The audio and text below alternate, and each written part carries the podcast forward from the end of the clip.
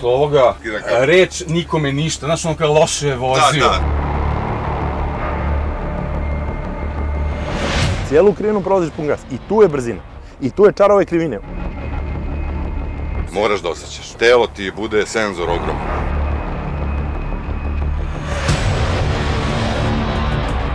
ozbiljno ushićenje i jedva čekam da sutra se ponovo nađemo u kokpitu i da krenemo u tu trku koju smo toliko dugo čekali.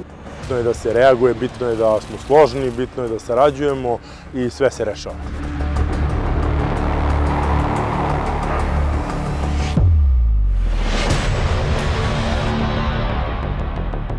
Na kiši se poznaje tehnika, znači na kiši se odvajaju vozači od... Znači mora nešto, mora da Manekena. ostane. Moram priznati da je onako bilo prilično, prilično uzbudljivo, što se meni tiče ozbiljan roller coaster. Don't happy, be worried.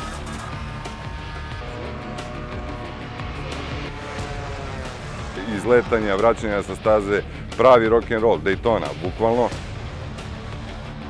Kako to izgleda u trkačkom svetu, kako to izgleda nama da moramo stalno da se adaptiramo na nove situacije i, i da smo spremni na sve. Bravo. Tako je.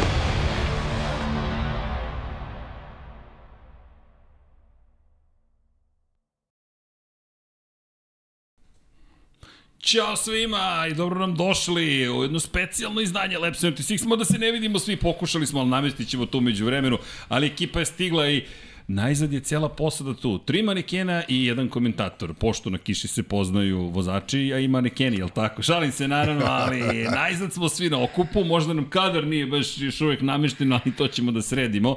Ali dok smo se skupili, ja iz Čilea, vi sa parkinga i tako dalje, Gužva, gužva. Deki je jedini koji mora da zauzme zem pozu, pošto on uvek stiže na vreme i, i verujte da nije vozio trke, ja mislim da bi sada moja glava bila tamo kod onog samurajskog mača koji mi je Deki poklonio. Ali, ja se nadam da ste navikli već na ludilo koje se zove Lab 76 Infinity Lighthouse, pogotovo kad sam ja u pitanju kada je u pitanju minutaža. Šta su u krajnjem slučaju minuti? Sve to relativno.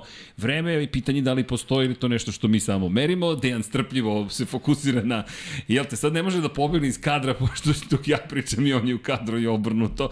Ali, ljudi, dobro nam došli, pre svega budite dobri jedni prema drugima, mazite se i pazite se i naravno, udarite like.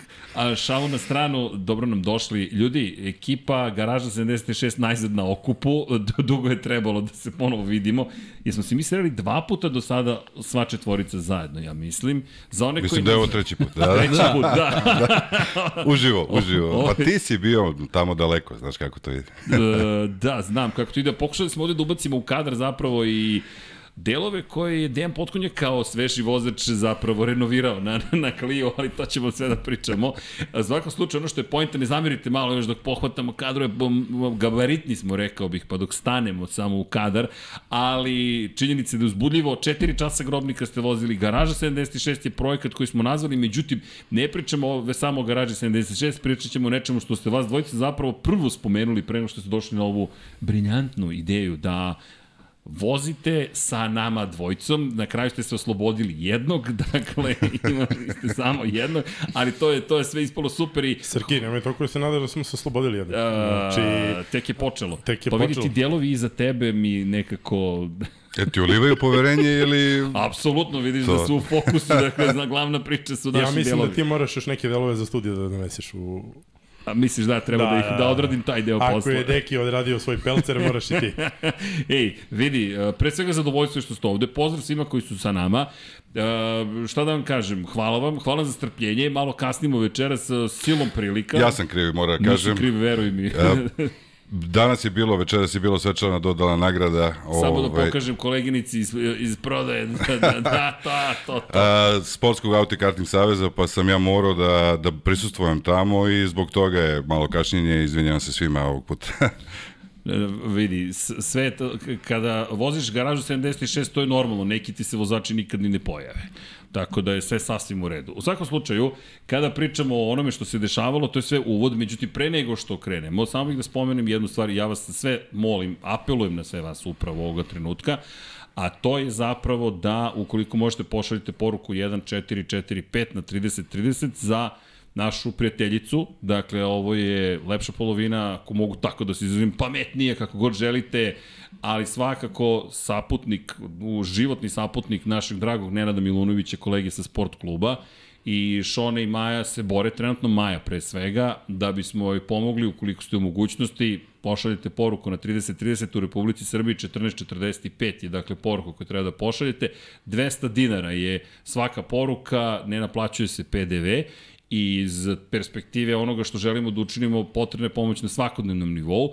Maja na jednoj posebnoj terapiji borba protiv kancera je u pitanju i na dnevnom nivou zaista se troši velika količina novca, negde oko 500 eura dnevno je neophodno da bi se stanje poboljšalo i da bismo se izborili za Majin život. Tako da, svakoga dana ćemo ovo ponavljati u svakom podcastu, jednostavno to je sada malo i ličnija bitka, inače to radimo, ali ovoga puta posebno za Maju nam je dodatno stalo, pošto, jel te, poznajemo ljude i lično, na jedan drugi način pristupamo ovome, pa eto apel, a iskoristit ćemo celu ovu situaciju i da nastavimo sa apelima kao što smo to od uvijek nekako i radili, pa ne zamerite pre nego što krenemo, ukoliko možete, bilo bi divno, ukoliko ne, hvala što ste saslušali u svakom slučaju i to je sve što, što bih mogao da kažem na, na, na, na ovu temu. Elem, Kada je reč o, o, o sve ovome što radimo, pojenta jeste živi smo i zato želimo da Maja ima neku svoju garažu 76 akciju koju ste vi ljudi realizovali, ali odakle da krenemo? Čekaj. Kako smo se mi uopšte našli ovde? Deki, kako si ti završio na kraju? Čekaj, moram, moram ipak Deki da pitam. Deki, kako je bilo? Ajde, reci mi ovako uživo kad se vidimo. Nisam te pitao ni kada smo se sreli. Kako ti je bilo ceo taj vikend, ali taj moment prve vožnje u trci, kakav je osjećaj? Pa, nemam pojma pravo ti kažem, ja još generalno to sve nisam ni stvario, ovaj, kako treba. Verovatno ću sad za vikend malo da, da iskuliram, pa da, da prođem kroz sve fotografije i kroz video zapise, ali generalno onako na prvu loptu naravno da je bilo fenomenalno. Mislim, nema, nema šta, pričali smo to i, i ovaj, u live-u kad smo se uključivali sa staze, ovaj, ti ja smo prošli kroz neka tri aspekta boravljenja na, na automobilskim trkama, ovo je neki četvrti eto ja sam uspeo da, da ovaj, zahvaljujući ove dvojici momaka da, da dobijem priliku da eto iz kokpita vidim kako to izgleda, mislim stvarno ovaj, nema šta, ovaj, sve što sam i, i zamišljao da, da tako izgleda, zaista je tako i bilo, plus mnogo dinamičnije i mnogo, i mnogo stresnije, znači mogu samo vezano za ovaj automobil da, da razmišljam o tome kako izgleda nadogradnja kad voziš neki mnogo, mnogo snažniji automobil u nekim drugim uslovima, kad su u pitanju neke sprint trke i tako dalje, tako dalje ali generalno ono, stvarno ovaj, jedno od, od životnih iskustava. Bađi, ovaj trailer ozbiljno izgleda, deluje mi da ste vi tamo svašta radili. Čekaj, ovo film u pripremi, šta je ovo? Ste, šta, prešli ste u dani grmljevine, Pa ne, hoćemo vidjeti Jamesu Cameronu ovaj, malo da konkurišemo. ne, ja sam rekao Terzi, najbolji film koji je ikad snimljen za, po meni, makar o temi automobilizma, su dani grmljevine. Tako da sam rekao, potrudi se, čovjek se potrudio, ali mu vera, stvarno.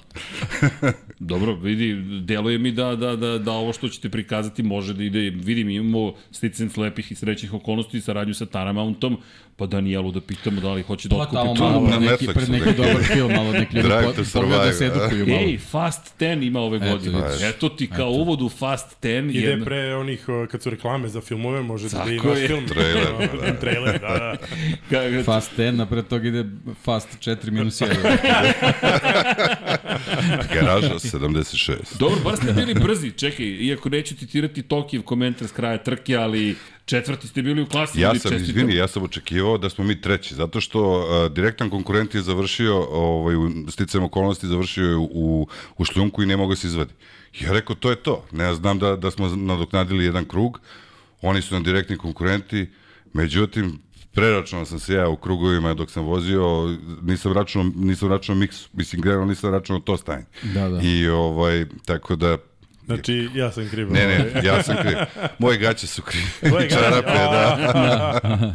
Čekaj, ja mislim da, mo, da moramo i gledalcima da objasnimo u stvari da. šta se tu dešava. Da, u stvari, eto, imali smo tu neku onako stvarno nesrećnu okolnost, ovaj, ali, ali bolje ti da objasniš, pošto si generalno tim pravilima, pa da čisto objasnimo da se ne pravdamo, nego je jednostavno splet nekih čudnih okolnosti zbog kojih nismo, nismo uspeli da, da ovaj, osvojimo neki trofij. Da, pa o, imali smo u suštini, znači, ono, kad dođeš, da kažem, na trku, o, jedna od obaveznih stvari je da sportska komisija, tehnička komisija pregleda opremu, da li imaš sve u važećoj homologaciji po standardima kako treba. E sad, ovaj, to je, da kažem, u, u Evropi, da nazovemo, mislim, ipak je i Hrvatska i Slovenija, to je sve Evropa, ovaj, su malo striktniji standardi nego kod nas, znači prate sve aktuelne važeće propise FIE. A, imamo jedan propis koji isteko 31.12.2022. koji je čak ni ja nisam propratio. I kada smo bili na tehničkom pregledu za, za opremu, a, bio je problem kombinezon koji je bio malo stariji, baš taj propis koji je 2022. završio, znači od, od 23.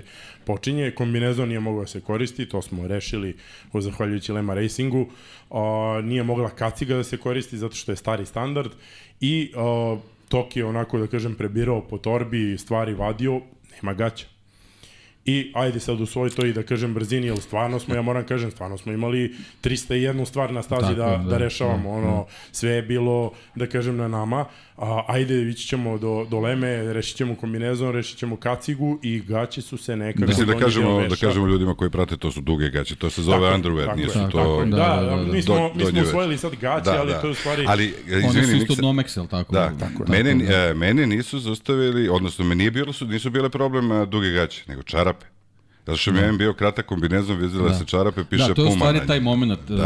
A, da je da je Toki nosio svoj kombinezon Ne, izgleda- ništa, sve je bilo okej. bolje od, od bilo kog kombinezona, kombinezona tamo što je bilo, ali, ali nema, nema taj famozni hologram. Da. Ovaj čovjek je prebirao i u toj brzini našao je čisto kombinezon koji mu odgovara po nekoj ovaj, veličini gore, ali je bio kratak. I kad je došao pred, pred izlazak na stazu, ljudi iz komisije su primetili s obzirom da mu je kratak kombinezon ovaj da, da Za, primetili su mi gole noge. Da, videli su sportske čarape i eto to je stvari Ali da kažemo, to se sve problem, da. dešava u nedelju. U subotu nikakav Da. problem nije bio.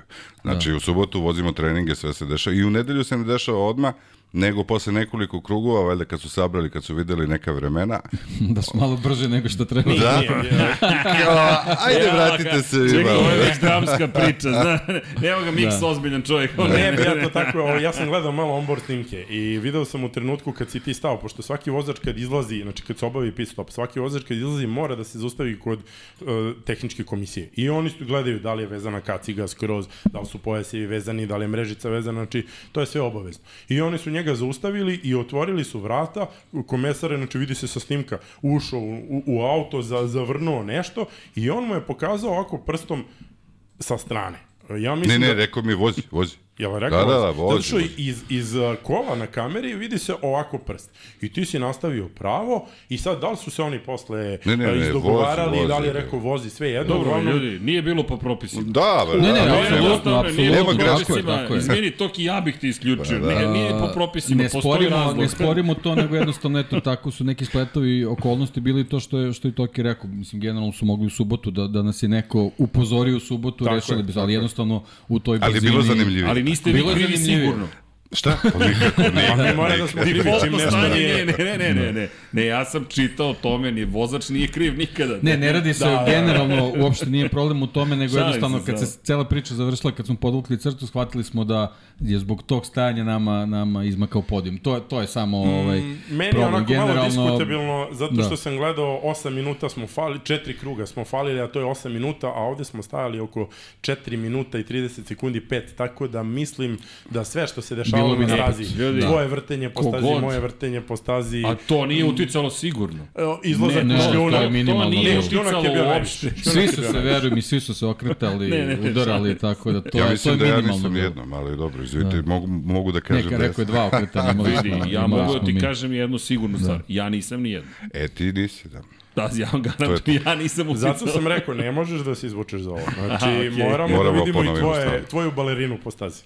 E, ali ja pre nego što nastavimo moram da kažem, Deki je sada preskočio od najvažniju stvar. Deki ima, čovjek ima kišni petak na trci. A, postoje ljudi koji voze dve sezone, nisu vozili po kiši. Dekiju je bila prva trka, čovjek je vozio po kiši u najgorim mogućim uslovima. To I sećaš ja. se šta si rekao? Ja se sećaš šta si rekao kad si izašao iz kola prvi put? Nikad više neću da komentarišem da je neko loše vozio. Da, da, a to tako? su ubacili ovde Da. u trailer, da. da.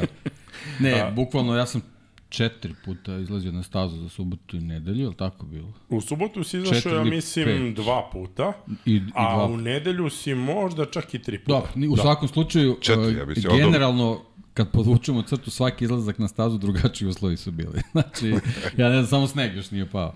Ali, to je najbolje. I to je sastavni deo iskustva, tako da ovaj, ja se po tom pitanju ne želim, eto, ovaj, vezano samo za ono takmičenje možda mogu da bude bolje, ali generalno što se tiče mog iskustva i te neke nadogradnje koje su imao tokom vikenda, apsolutno sam zadovoljan kako se to sve odvijalo.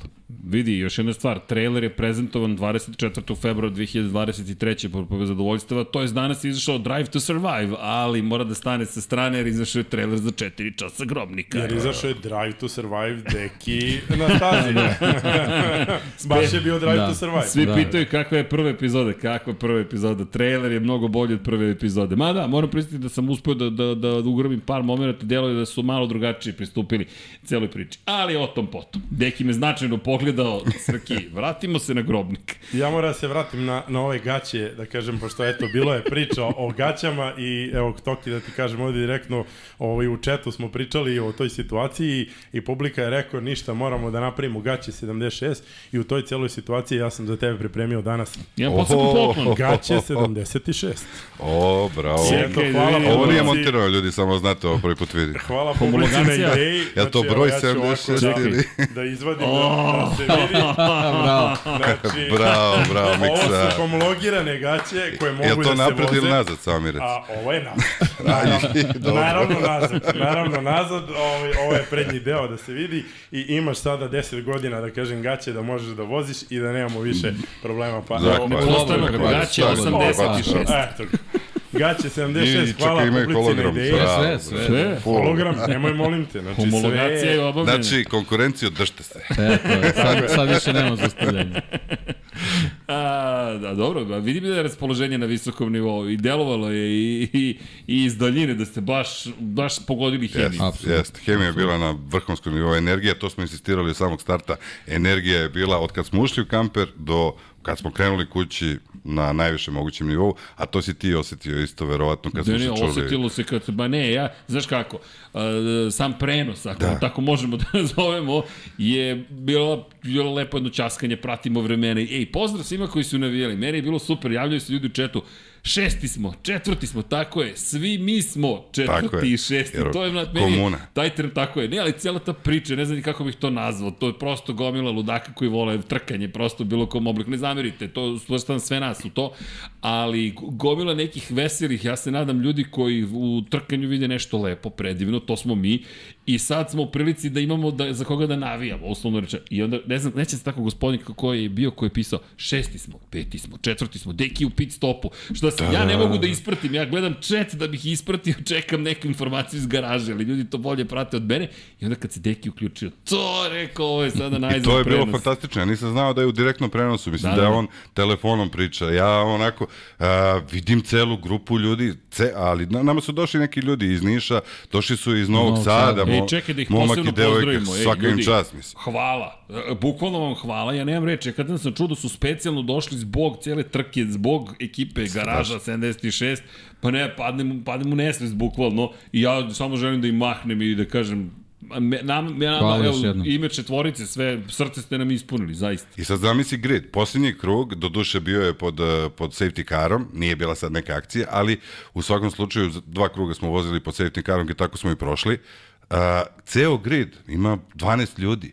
Svi vise kao na 24 časa Lemana. Ne možeš da veruješ kakva je, ono, meni je bilo ushićenje totalno, kao da kao da je, ne da je po, samo da je pobeda, nego da je 24 sata Daytone, na primjer. Ne, prošao si pored, pa rekao si Pa. Daytona, cela Da, priča, da. ali ti si prošao pored zida. Pa da. Jer Po- po, svi ponešen. automobili su, ne, ne, ne, Da. ali svi automobili su išli nekom drugom trasom Da. i samo dolazi naš automobil, i, već ga svojatam, sa 76 i to toki za, za televiziju, znaš, a deki To. koji drži mobilni telefon, ma, ma fenomenalno, I, ali moram što kažem, apropo i kiše, E, ljudi, moralo je biti tako. Da. Dakle, jer ništa drugo nije, što ti kažeš, rock and roll. Pri čemu Deki nije samo dobio kišnu stazu, nego stazu koja se suši, koliko sam shvatio. Promenjive prvi- vremenske prvi uslove. stint su da. mi bili promenljivi vremenski uslovi, tu sam, mogu reći, stvarno uživao. Baš je, Stvarno. baš je bilo ovaj, sjajno, mislim, ljudi koji, koji trkaju, koji se trkaju znaju to, mislim, ovi momci ovde, generalno svi koji se bave, ono, malte ne, vi ste već dve decenije u, u kokpitu, oni, Praktično. oni gomilu nekih, nekih informacija koje pri, prikupljaju, to rade već instinktivno. Jasno. Ja sam bukvalno bio u situaciji da sam morao da budem koncentrisan apsolutno na sve da, da bih to taj, taj moj, sti, moj stint uradio kako, kako treba. treba. da. I bukvalno se desilo prvi trenutak gde nisam poslušao savete njih dvojice, ne, ne uh, zato što sam to slučajno radio, nego sa namerom sam mislio da, da mogu nešto drugačije da uradim, ja sam se okrenuo. Znači, apsolutno uh, ne, ne postoji situacija gde, gde, gde neke stvari možeš da radiš na neki svoj osjećaj koji u tom trenutku nemaš. Znači, do, dok Basno. instinktivno ne uđeš u tu priču, to se ne radi tako, nego jednostavno moraš, moraš bukvalno od, od metra do metra, od krivine do krivine da slušaš šta su ti ljudi rekli, ili bukvalno, bukvalno se tako, tako vozi. E, samo da, apropo toga, šta ti je to u levoj ruci? Izvini, O. jako dobro mogu da vidim. E, ako možemo Da, za, za- za kameru, molim vas. E, Evo ga. E, pa danas je bilo proglašenje e, pobednika e, domaćeg šampionata i ovo je medalja za osvojeno drugo mesto na brdskim trkama za 2022. godinu. I zato sam i kasnije, izvinite. Ajmo, aplauz, Bravo, to, to, to. Nisi nigde kasnije, i mi dok smo svi stigli zajedno, dok smo sve organizovali, bilo je, danas je neki čudan dan po tom pitanju, ali okej. Dešava se. Da, juče smo bili četiri i po sata ovde Da. zajedno, tako, ej, deki, a, kad ti Toki kaže da nešto ne zna, ne verujem. Ne verujem. Apsolutno mu ne veruju. Ja ga juče pitam, znaš, ne, Mikser rekao, je, vidi, Srki, ja stvarno ne pratim Formulu 1, nemam tu šta mnogo da pričam. Rekao, ne znam, malo ćemo pričamo o simulatorima, kako ste se pripremali, neko pričat ćemo, da ispričamo, a da opet nisu hteli bez tebe da pričaju o, o grobnici. Naravno, pa ja kažem, okej, dolazi, zna celu sezonu, zna vozače, zna timove, rekao čekaj, čekaj, čekaj, pratio je Drugovića, dakle i Formulu 2, Formula 3, rekao čekaj, kako izgleda crni, crni toki kad znaš, ali dobro, ne, bilo je super, hvala, Pa, hvala. meni ja sam uživao stvarno i mi Miksa posle zvao, odmah smo pričali, uživali smo obojica stvarno. I još sam se pridružio, ej, Hasan Bratić, danas Hasan se fotografiše, neki klinac u zelenoj majici mu traži autogram tamo pored drveta, ne znam da li ste videli. Povukli smo nogu. A? Da, da, da. Ti si povukao nogu, rekao si... Pa da, neki Fernando Alonso, nemam pojma, to. prišao i da se fotografiše sa Hasanom, rekao, pa, pa, eto. Šalu na stranu, ko ne prati Hasana Bratića na Instagramu, neka ga zaprati. Mnogo lep moment, gledaš story, Hasan stoji tu je, a stvarno izgleda kao dečkić Fernando Alonso. Zelena majčica, Delo je spreman. Ej, deluje više Deluje nego, spreman. spremniji nego prošle godine, mogu vam reći, deluje mi da će Alonso biti baš opasan. Ali da ne pobegnemo na Formulu 1, samo sam hteo Hasanu shout out, što kaže Ameri, da pošaljem. Tako da pozdrav za naše Hasana Bratića za ekskluzivne fotografije. Ej, njegova fotografija, jedini fotograf, moram da vam kažem, koji je Hamiltona slikao s leđa juče, svi su spreda i kaže, pa mora nešto drugačije. Ja kažem, da li ti si napravio od ovoga ceo western? On drži kacigu kao revolver, levo, desno, jedini ima taj kar, po, pola interneta ima Hasanu, Hasanovu fotografiju.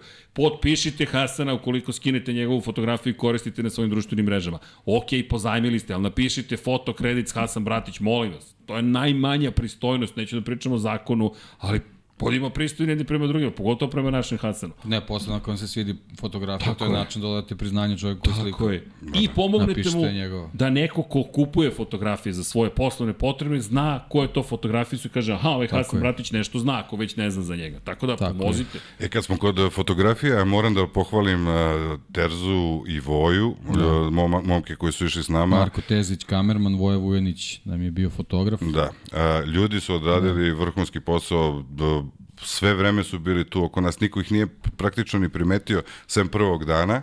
A, prvog dana su nas onako montirali kao kameru, otprilike, kao, aj sad malo nazad. Imali su nacrtan scenario. A rekao sam da ste manekeni, pa ne to, razumem. ne, ne. Do kiše smo manekeni, po kiši nismo. I stvarno svaka čast, moram da ih pohvalim, stvarno. I, i naravno da pohvalim i ostatak ekipe, e, Vlada Milićević koji je došao, koji je pomogao oko tehničkih stvari, e, Marija koja nije, sad ona mi je odmah ovaj, e, prebacila da je, kako ja samo catering, ali ona je stvarno pravila vrhunsku... U, vrati, vrati fotku, vrati, tako E, se. smo čekali smo gleda- Tako bezuspešni live. neuspešni live, to je da, da, da. I dali smo da se uključimo iz Vi na kampera i da se autoputu javimo. Čile, Evo, evo, vi vidi na se autoputu deo veze, ja ne. O, to mi je žao što nismo odradili. Marija taj, desno, dobro. Marija je bila glavni, glavni kuvar, da tako kažemo. Glavni kuvar i ovaj, osoba praktično jest, za sve, za jest. što treba. Nemanja i odlične Đurđija su bili s da nama, kažem. Ovaj momak u, u, u, u bluru, u, ovaj, Poznat prvom planu je Terza. Da. Tako je, e. Ovo je naša garaža. Ovo su već nek, nije, ovo, Nije Ovo ovo stvari ne, da je ovo je garaža Lemina, da. Da, ovo je, ovo je, Ovo je priprema istovaranje, tako Fingića je, ujutru, pre, znači ovo je petak u pitanju i ovo je naš auto. Deki gde proba proba. se. Da, sedište. i da, jedna, jedna, eto, možemo da krenemo E, da. redom, jedna od važnijih stvari. ako ikad poželite da se trkate, prva stvar koju morate uraditi, morate namestiti sedište po sebi. Tako je. Jeste. Ja sam ovde mali, mali problem imao sad da kažem, ne, ne mogu da kažem da je bio pretredno velik, pošto mi morali sedište da, da namestimo prema Tokiju, Da. koji je onako prilično višli od mene, no 20, ja, nije 20 cm, 15 cm, a Mix se odlučio da sedište ne bude na, na klizač, nego da ga, da ga fiksno ovaj, pričastimo, tako da sam ja morao da poturam neke, neke sunđere i, i tokom trke iz nekog razloga jednostavno ni- nisam imao komforan položaj, jako teško sam dohvatao ovaj pedale i, i zaista ovaj to u nekom trenutku možda bude baš onako dekoncentracija. Ali inače, to, to smo pre, previdjeli da. totalno. A, ti kad probaš, a, kad probaš sedenje, kad auto stoji, a, ra- računaj da je 15% Jest. komotnije kad Jest. kreneš da se voziš. Jest, jest. I to je bio problem. Da. Ja mislim da je ono meni Da. što kaže i, i meni je falilo malo mog položaja, ali Da. to je jednostavno kompromis koji smo morali da uradimo i Ja sam bio Tako maksimalno da. napred koliko Da. sam mogao. Meni je to- samo bio, samo da bio budeš problem napred. što sam prvi put bio u automobilu i onda je baš je. bilo nezgodno bi da da pronađem imao odgovarajuće mesto. Da. svoj položaj kako treba da možeš sve to da probaš. Stvarno, Evo, A ovo ovo- je, ovo je bio petak, imali smo lep petak, onako polusunčan dan je bio ovaj, e, i iskoristili smo ga za šetnju po stazi. A ta šetnja po stazi je trajala, boga mi, jedno... Četiri jedno- sata, otprilike, četiri sata grobnika smo Da, mi u da, petak da. i vozili. Voja na i. Terza su koristili za, za fotkanje i snimanje i ono, propisno su nas ovaj, izmučili tu, ali nema veze.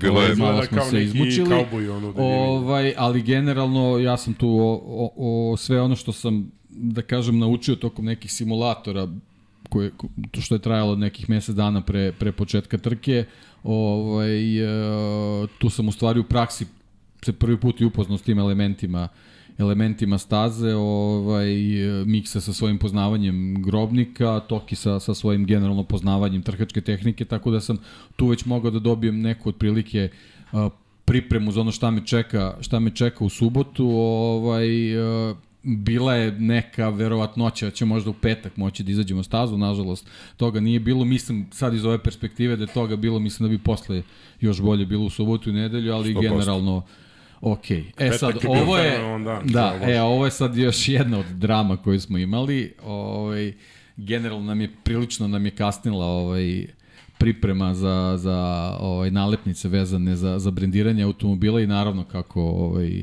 Marfi to, to naloži, nama nalepnice iz Beograda uopšte nisu stigle.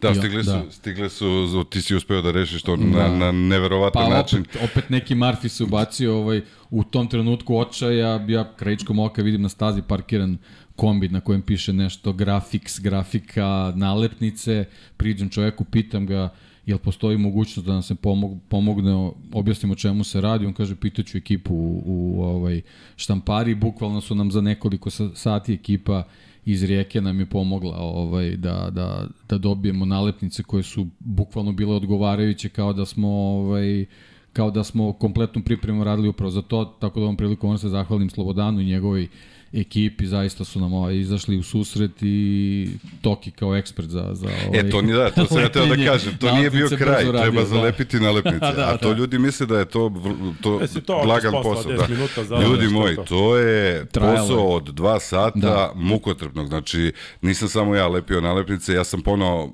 sticam okolnosti, imam neki alat za lepljenje nalepnice u vidu nekih špakli, ali nas četvorica smo lepili nalepnice, jedan je seko, jedan je držao fen, Uh, Miksa je sva sreća imao fen u svom, uh, kako se zove, u svom uh, alatu, u kombiju i mi smo uspeli da, da rešimo to i da ne zalepimo nalepnice stvarno na, na jedan do, dostojanstven način, dostojanstven garaže 76, tako da ekipni rad. Da, da, ovo, ja sam ono, stvarno kad, kad je automobil izašao na grid, tek smo tu videli u stvari koliko je koliko je dobro urađen i koliko je jedinstveno odnosu Jest, na, na se ostale koji onako uh, zavisnosti naravno kako koja ekipa nije ovaj, pričat ćemo o tome u stvari generalno o tom Twingo kupu naravno one, one vrhunske ekipe imaju i vrhunski branding što se tiče automobila ali mislim da mi ni malo nismo, nismo zaostajali za njim Da, ovo, ovo je taj proces znači fan, strpljenje i to je to Ne, mi kad smo provalili da možemo da isečemo nalepnicu, pošto je bela pozadina, ubrzali smo se za jedno 70%. Posao je Sigurno, postao sigurno, mnogo, sigurno. mnogo lakše. Sigurno. I ovo u stvari najvažnija Ovo stvar zbog, da. se, zbog čega smo to radili i ponavljam ovog puta uh, svi naši Patreon i YouTuberi su zajedno bili s nama na, na, na bokovima automobila. Ja, meni je onako zbog toga posebno posebno drago. Srki je takođe imao svoju nalepnicu, morao je da bude ispod prozora, pošto to je jedno od, od, od pravila, a dodatno je pravilo bilo, to, to mi je onako bilo malo krivo, pa smo mu dodali jedno srce pored, morali smo da njegov, uh, njegov nadimak precrtamo, zato što sudije moraju da znaju u stvari koliko je vozaču automobilu. Dobili smo tu, tu ovaj, opasku, da tako kažem, pa smo i sledeći dan morali da nastavimo lepljenje, tako da evo, ovo je, ovo je neki, Gotov neki proizvod, konačan, da. konačan proizvod, da. Pa po meni, evo i sad kad ga pogledam, da. meni je super. Twingić, prelep, stvarno. Ja moram da kažem, meni će biti žao da skinem sve ove nalepnice sa kola. Tako Pa dobro, da ono što smo zalepili, što kaže, nek Da. da. stoji i ovako sam bez sponzora i toga, pa nek budu svi Patreoni tu, nek bude Da. da. cela priča koja je bila jako lepa. Vidi, žel, želim ti da skineš, to će znači da si našao sponzore. To E, je, Bože zdravlje, ali dobro. to je ovaj, lepo. Da, i kad već spomenjamo sponzore, nama su na ovom putu pomogli New Met i Auto Momentum, hvala ovoga puta. Ovaj, nadam se da će biti možda neke prilike da da nastavimo našu saradnju s nekim drugim projektima. Tako. Da, kad pominjao već ko je još pomogao, licence su, Tako nam je izvadio Gaga Avala Racing Team iz Beograda, Da. tako hvala i njima.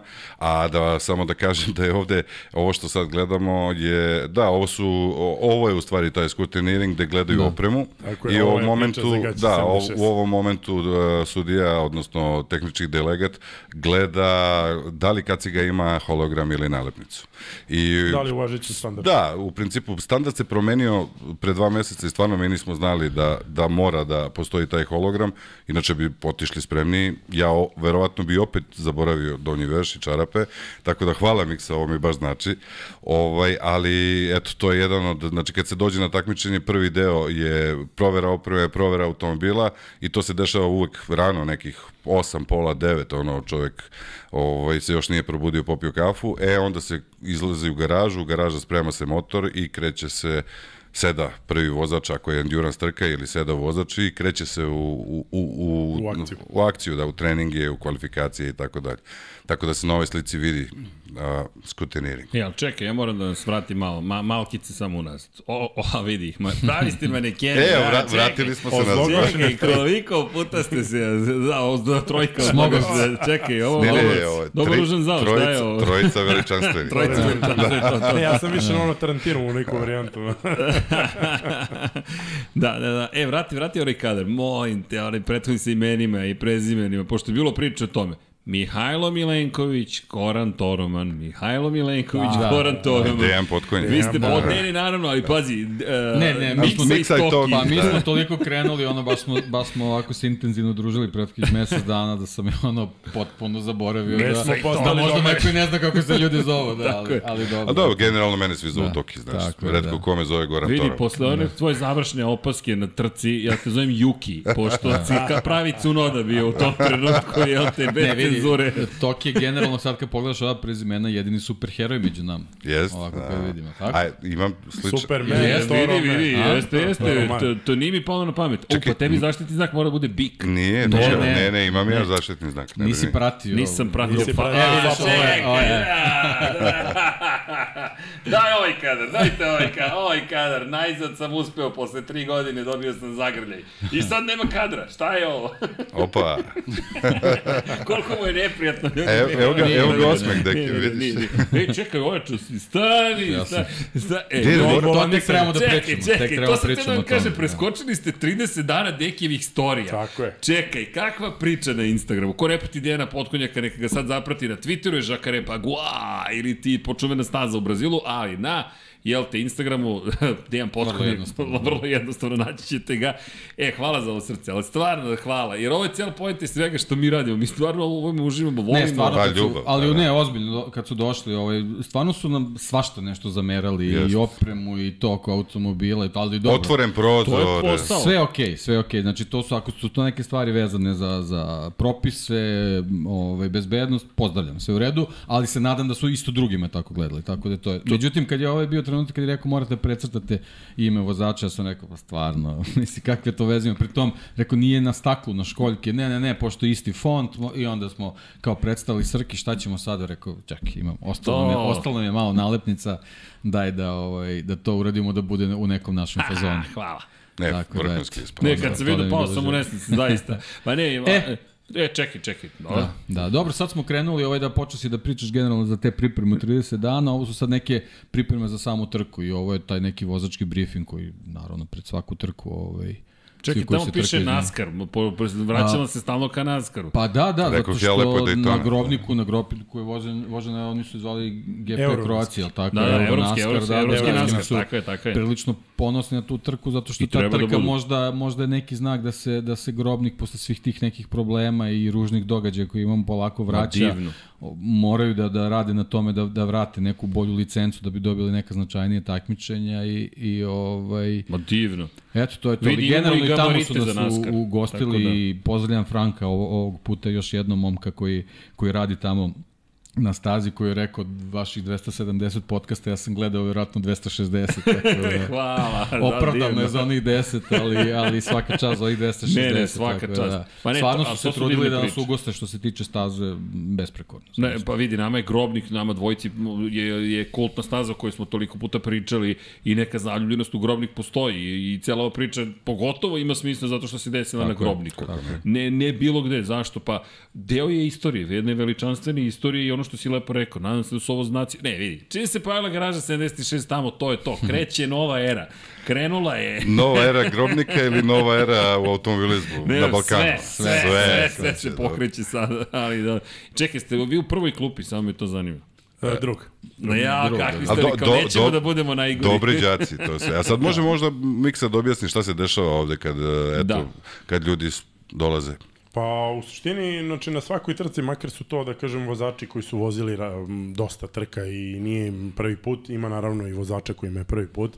A, cela ekipa, da kažem, a, direktor trke, tehnički komesar, sudije i tako, ovaj, prođu kroz jednu celu priču a, šta se sve dešava, kakav će biti start, a, šta se dešava ako izađe safety car na stazu, pošto je ovo endurance trka, na koliko će biti zamene, šta treba da se radi, šta ne sme da se radi, ako se desi ovo, ako se desi ono, mislim da ne ulazim sada da kažem u, u sve detalje, ali bukvalno to je neka stvar koju mi slušamo svaki put i ja makar sam, da kažem, 15 godina vozio i tako, ovaj, da, ka, da kažem, dođem na briefing, poslušam, naravno znam neke stvari, ali recimo evo, mogu da, mogu da primetim da a, je bilo um, priče za stop and go i pošto nikad nisam dobio stop and go, ja sam recimo na briefingu pitao, a, ako dobijemo stop and go, gde stajemo? Zato što nikad do sad nisam dobio i ne znam. Tako da uvijek postoji nešto da se sazna, uvijek postoji nešto da se podsjetiš, što misliš da znaš, ali možda ne znaš. O, dešava se da oni nekada nešto promene, kao što je, na primjer, bilo sad sa ovim standardom za opremu što nismo propratili.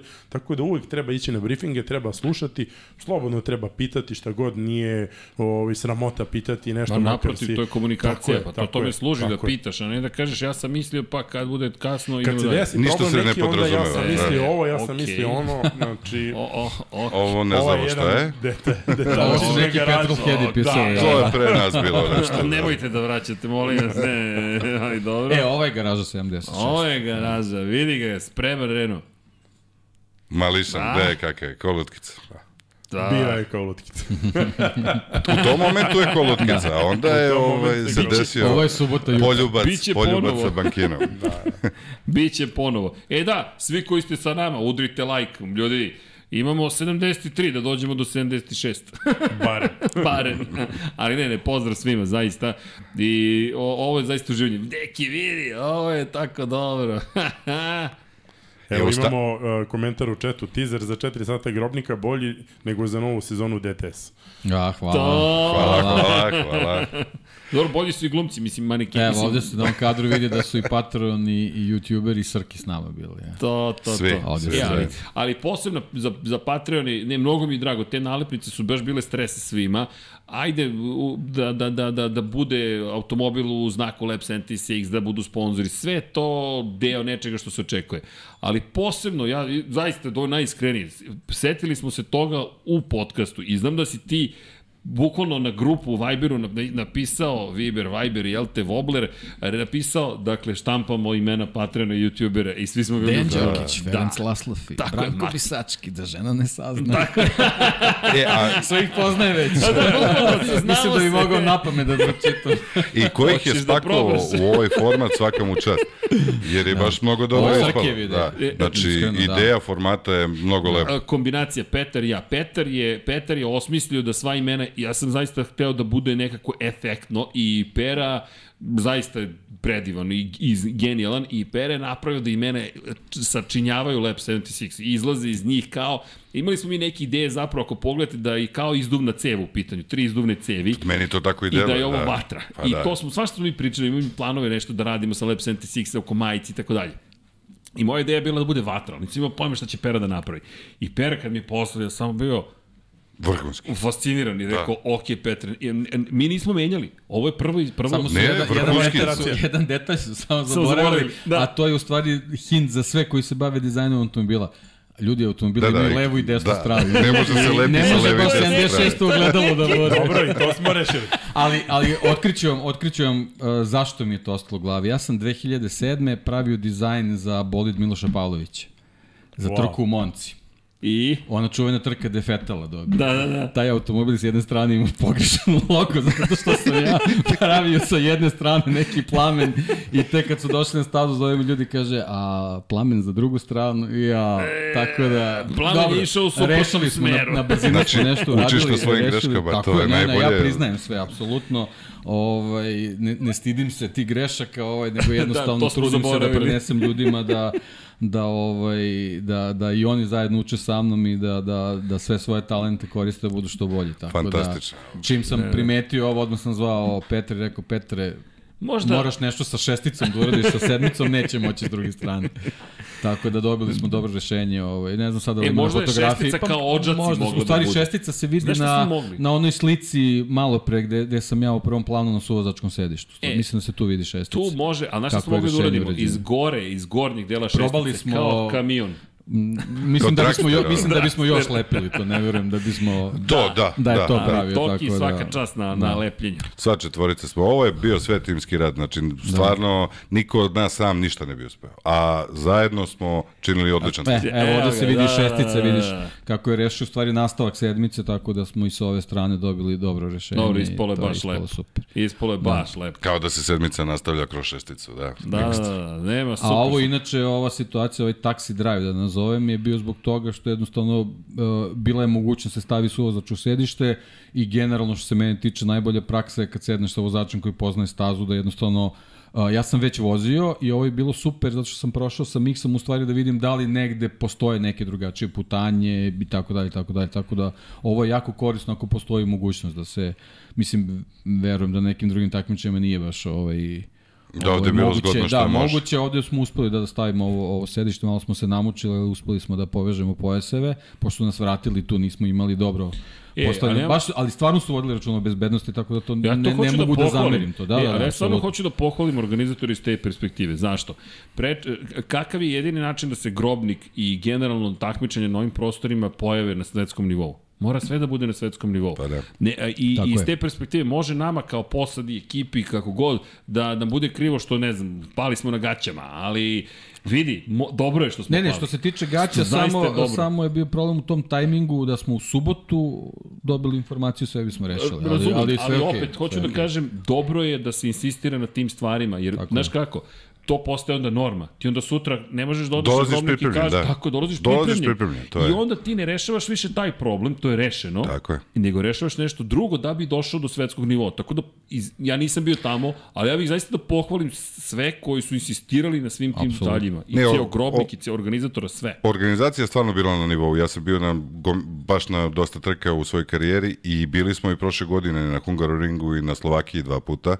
E, oni, organizatori Grobnika su ovog puta stvarno dali sve od sebe, pa, verovatno malo ponešeni i nemilin događaj koji je bio prošle godine i onda su a, rešili da a, ne prepuštaju ništa slučaju. I to je u tako redu. da, da, i to je sasvim u redu i e, sve je išlo na vreme, satnica je bila kako treba. Jedino malo nam je bio problem što su nam pomerili start sa 10 na 9.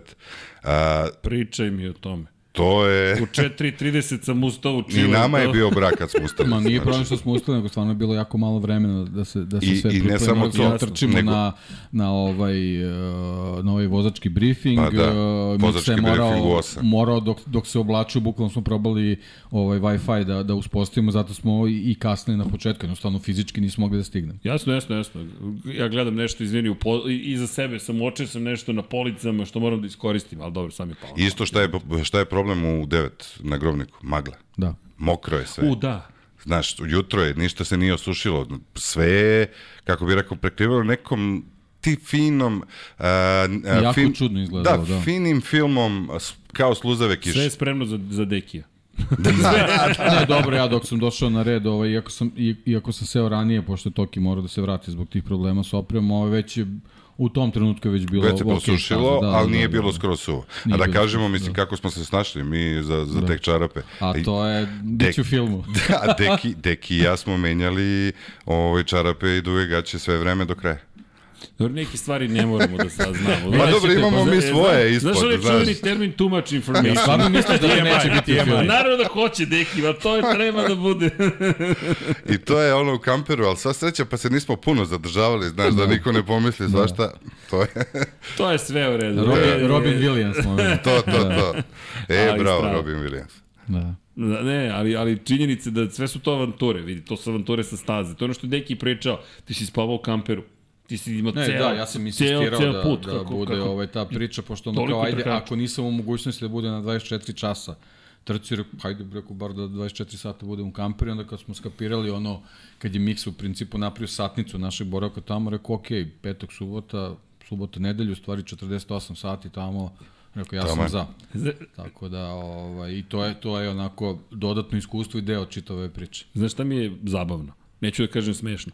Miksa koji je vratno najviše radio, najviše ćuti i ne oglašava se previše, ali deli mi kao kapet, kapiten koji onako uživa u, To, to, to. u svemu što se desilo. Ne. Miksa je jedan ozbiljan control freak, ali, ali, da nije, ali da nije takav bio, ovaj, mi jednostavno ne bi mogli da, da pre svega ja ne bih mogao na pravi način da vidim šta se tamo treba da se uradi kad dođeš na jedan trkački vikend. Tako da ja sam samo posmatrao onako sa strane i ovom prilikom odem priznanja zaista. Mislim, ja, ja bih na pola bacio sve, upalio kamper i otišao. Ja je moram sve kažem- morao da trpi tamo, tako da... Ja ne, ja- kažem da je meni interesantno da, da čujem od vas kako je bilo, jer ja sam to sve video. O, ali mi, mi je, zato što ono sedim i slušam i upijam kako vam je sve bilo od utisaka, jer što kaže, ja sam i to vozio i sve prolazio, ovo je sad neki novi format za mene, Da. što kaže, morao sam da poginem malo, ajde ovo, ajde live, ajde snimanje, Pa ne malo, prilično je auto. bilo posebno zato što su Bilo bili je, detalji znaš, vezani za produkciju, da. To inače nisi- sve je nisi bilo da nije vremenski zahtevno, sve bi mi to rešili, ali kad imaš schedule, ono, start je tad u, de, u 9, ja sam ustao, ja mislim u 6, pola 7, ajmo automobil, Da. ajde sipaj gorivo, ajde Da, pri idemo tom, na pri briefing. tom moment mi na ovom trkačkom vikendu nismo imali druge, druge kategorije. Mi smo Da, da, da, praktično bili- bili, da, da, sami bili smo i sami. onda sve, sve vreme je u stvari jako, jako stisnuto bilo.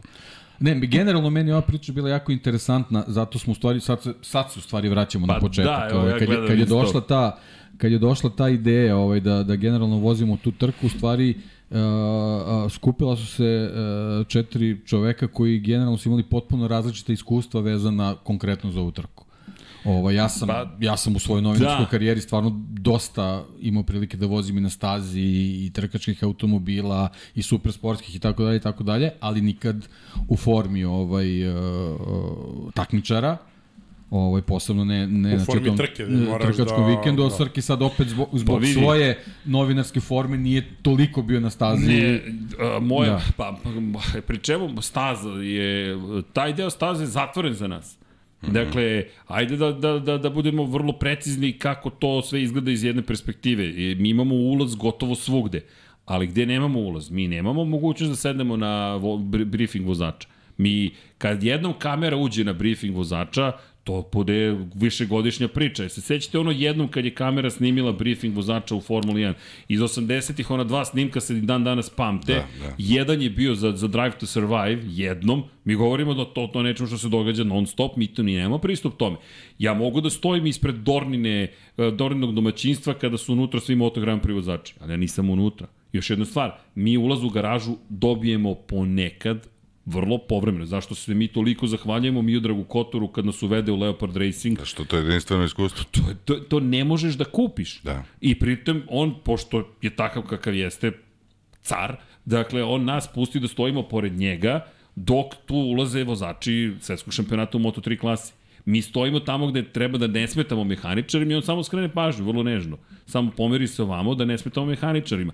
Ali ti imaš upliv u nešto što inače nemaš. I to su te redke situacije. Ali ja isto tako ne mogu da sedim, ne znam, prošle godine kad Denis Fođa daje briefing ili debriefing ekipi, mi ne možemo da budemo tu. Koliko god Kotor bio blizak sa nama ili želeo da nam izađe u susret ili šta god, i tu, ne zato što ćemo možda da čujemo nešto, nego smetam. Da, da, Smetaš, ti dekoncentrišeš Višak, ekipu, ti da Fođa gleda nekog nepoznatog čoveka koji sad tu nešto sluša. to šta se dešava, da. Zašto on to sluša? E, tako da mi nemamo ta iskustva. Mnogo toga da. smo radili, Pa, nemamo ne, ta ali iskustva. zato kažem, to su, to su dve, dve različite priče. Onda uh, uz nas dvojicu, bilo su dvojica iskusnih vozača koji su opet u potpuno različitim pričama. Tako Miksa je. tu koji već nekoliko sezona vozi ovaj Domaći je, šampionat i bukvalno žmurečki vozi i grobnik i, i te druge staze. I, I Toki koji ima neko svoje veliko trkačko iskustvo, ali recimo nikad nije vozio t- Niti sam Twingo vozio Twinga, niti na sam, niti sam Tako vo- bio sam na grobniku, ali nisam pa ga da, vozio, nisi, da. Nisi, Nisi nisi, vozio u prvom licu bio, da. Nisam niti endurance vozio, da, niti viš, taj- sam taj vozio moment grobnik, nisam, da. da, da, da, eto. Znači, Tako da, sve novo, generalno, da. to, je, to je bio miks u miksinoj priči. i, Ovaj, Izmikso si nas. Naravno, čim, Meni čim, je uvek miks. čim su ovaj, ono, postavili pitanje, jeste za, naravno da ja sam odmah digao ruku, pa sam posle razmišljao da sam... Da, da se sam vratimo na početak. Vidi, bilo je jasno, kupili su nas na kecani, Pa da. ovako ti ja se pogledamo i kao, čekaj, stvarno. E, ja se zaista, sećam da. trenutka, znači, Da. sećam se vaših, e, vaših izraza Kako lica. ne? Ko- Što, ajmo, kao, Pa Ne, bilo je što, ajmo i onda u sebi su odvojica normalni. A ne, Deki se Ja nije odmah svesni šta će se Srki je rekao da. kao, pa kao, na, Da, Srki je na keca rekao, ajde. A Deki je čutao onako A kao, mudro. Ne, ne, Deki ja smo komunicirali. Verujte, Deki ja smo već iskomunicirali. To je sad pogled iz, iz ove tri godine podcastovanja. Da. Znamo se Deki ja preko 20 godina, ali dođeš do onog momenta kad se pogledaš i aha, okej. Kako je lepo rekao, preko 20. E, a da vam kažem sad iz naše vizure, mislim, ono, mi smo razmišljali kao, a, daj nešto sveže, daj nešto novo da probamo da napravimo. I tako smo kao mozgali šta ćemo, šta ćemo. Rekao, a, ajde da probamo da napravimo 4 sata endurance, tako bio. Ovaj, da napravimo 4 sata endurance u ekipi sa njima. Jer a, gledajući ovaj po- podcast Lab 76 i cela priča oko Infinity Lighthouse-a, učinilo nam se da delimo iste vrednosti i da delimo istu energiju. I zato je došla, zato je došla ponuda i zato u nekom razmišljanju je i nama bilo interesantno, jer je ovo nama isto sve novo bilo. Miksi najmanje, ali ta energija nije Ma uvek ista, da znate. Pa, ne, ne, nije, vidi, ne može da bude ista, ne može nikako da bude Pa da. ista, ali znaš u čemu je poenta? M, o, to je bukvalno ono što mi hoćemo, ono što radimo s Infinity Lighthouse-om i Lab 76, a to ti je da hajde, ne znam kako to da definišem, to je ljubav i to, to se stalno vraćamo. A to ti zapravo, čekaj, ovo je trkanje. Mi smo sad u prilici bili da se trkamo, Dakle, da izađemo na stazu, da proživimo sve ovo. Ok, ja nisam još proživeo, proživeću, nadam se, ali. Deki je kroz sve to prošao, Deki sad već, znaš, sad, vidi sad ovo, sad je Deki iskusniji od mene, ja sam sad Novajlija sledeći put kad izađemo na stazu. Pa da. I meni će isto biti super, verujem da će mi Deki pomoći da mi bude lakše, ali onda mi postajemo takođe bolji u našem poslu, da ga tako nazovemo, jer vidi, mi smo juče pričali o Formula 1 4,5 sata, meni je prošlo ovako, Jeste. bukvalno, a nikakav plan nismo imali, mi smo se našli na kafi, e, gde ste, šta radite, kako bilo na grobniku, super, hoćemo, ajmo, idemo da ne zakasnimo, levo, desno, e, hoćemo da pričamo Formula 1, pa ajde, vidjet ćemo, snaćemo se i to je to. I sad dolazimo do toga da se trkamo, još jedna stvar, ljudi, svi koji slušaju, u, u odloženom, uživo, kako god, možete da se trkate, to je ono što je To, pojenta. Ljudi sanjajte, pitali ljudi, može to. se ostvari. Čekaj, kao, mogu, legalno, niko nije podmićen, ništa nije urađeno protiv propisa, čuli ste koliko smo morali da odgovaramo propisima, možete to da uradite. Postoji način, mi ćemo se potruditi da vas naučimo. Ali, ljudi, ja mogu ja sad da pričam o onome što vi planirate? Može. Ja može? Može konačno. To, to je u stvari ova, ova, ova Ja, trka je stvari link. samo na tu Čekaj. priču, izvini E, još nije- Ne, ne, ne, Kaži, Samo sam jedan moment. Deki uh, i Srki, jel vozimo Endurance u decembru? Ok, deki, vozimo naravno. Evo, da, da ne bude da se nismo pogledali. Ne, volim, Ali- volim što, mi, što su počeli mi zapadaju te kalendarski fenomenalni meseci za vožnju. Pa ne, tad je- jedino Kad Možemo. neće biti kiše nikad, pa to... da, Da, da, da. sigurno neće biti u decembru, da. Mašem ovde, evo, već se pozdravljam, doviđenja. Čuo sam, ovde čuo se sam neki ovaj. Srki, nemoj čile, ovo ono decembar i to, znači... Koji decembar? Ovaj decembar. Pa, koji, koji datum? Uh, evo, sad ću kažem, mislim da je početak decembra. Eto, 10, početak 11, decembra, tako je. 10. 11. taman. I ako treba Sad da ću idemo da u Čili, idem posle toga. Eto, taman, može? taman. Dakle, kad odvezemo direktno sa grobnika za Pariz, Arrivederci. pošto je to najbolji direktan let. Ne ali, piše, ovdje piše decembar, grobnik 4 Grobnik sata, četiri tako sata. da... A bit će početkom, da, ne verujem da je na kraju. mislim da je to Ne, ne, onda svakako će bude početkom, neće biti blizu nove godine, to je sigurno. Ne, Mislim, ali, ali čekaj, aj, uh, vozimo. Dakle, deki, Evo ga, Deki mudro ćuti, ali to su te to komunikacije. je tako izgledalo, da, Da, da, to je da. to. Čekaj, mora to življe, bre. Vozimo ljudi. Naravno da vozimo Pa dajte da, onda, da, bre. da, Tako je. Čekaj, ovo, Deki je najživlji na stazi, čekaj. Ajde, evo je. O, mi ćemo iz daleka na Ali čekaj, 30 dana Instagrama meni je bilo fenomenalno. Da. Pratiti tebe mene inspirisalo. E, moram ja mo- ti kažem, moram- baš si me... e, e, I samo da znaš, smršao sam 5 kg u Čileu. I stvarno sam vežbao u sklopu priprema nadajući se da će se vratiti da će biti bolji. 5 kg! To ne znači da ima malo kilograma, ali sam smršao. samo dokaz. Da, ja moram da napravim jednu digresiju. Ovaj Deki je stvarno sportski tip. Znači, on je shvatio imati sportsku disciplinu. A, mesec dana je bio, videlo mu se očima, baš se pripremao. Znači, uopšte nije to bilo a, kao igramo se. Baš se pripremao, simulator bio tačan, nije kasnio minut, ostaje najduže kao na treninzima. Ostaje posle treninga, ubacuje trojke to. To, to, to. znači, bukvalno Da. Jel znaš zašto da. Deki ne vozi inače Moto Grand Prix igricu? Ne znam. Zato što ne može da podnese da to ne radi na način na koji zna da to može da radi. Pa da. Pa da. Bukvalno. I neće da vozi, jer nema vremena da trenira onoliko koliko bi trenirao, jer to je isto trening. I onda neće to da vozi. Dakle, ja ću za zarad, ja žrtvovaću se za show biznis, jel te, jer kad krene kiša zna se ko je manekin, ali ništa, pojazi, bar, bar biti dobro obučen kad pada kiša, ako ništa drugo, možda ne znam da vozim, ali nema veze. Ali Deki u fazonu nema šanse. Ne, ne, ne, zato što znam koliko mogu bolje od ovoga Pa da. i neću. To se dešavalo i na simulatoru. Isto nervoza. Isto ono ko, zna, ali ne kaže ništa, nego samo onako digne ruke i ništa, onda se staloži kao sad i ajmo opet. Čekaj, I, moram da vas vratim. Vi nećete nikad ispričati svoju Da. priču. Dakle, Ajmo svaki put, da. ajmo, čekaj, Ajmo stani. Došli smo do toga, sedimo evo, u parlamentu tu, u, jel te, u, Palmotić. u Palmotićevoj, htio da kažem u Ljermontovi, što mi je Ljermontovo glavi, neka dozvola mi, vrato se smeši, ko zna.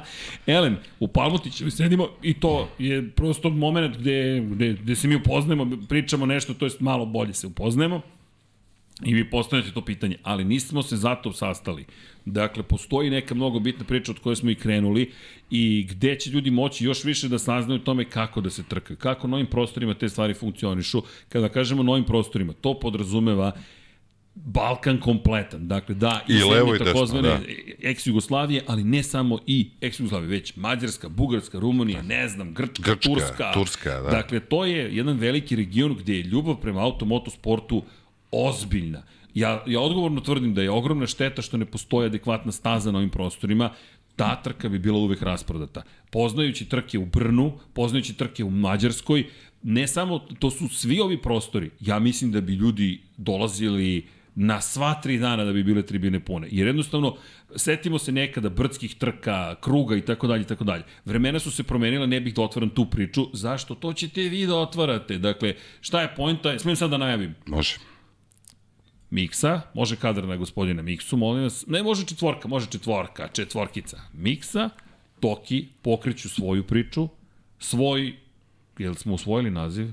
Pa, nije. Nismo, ajde da ostavimo do prve epizode. Da, da, Nenazvani podcast, emisiju koja će se baviti čime ljudi?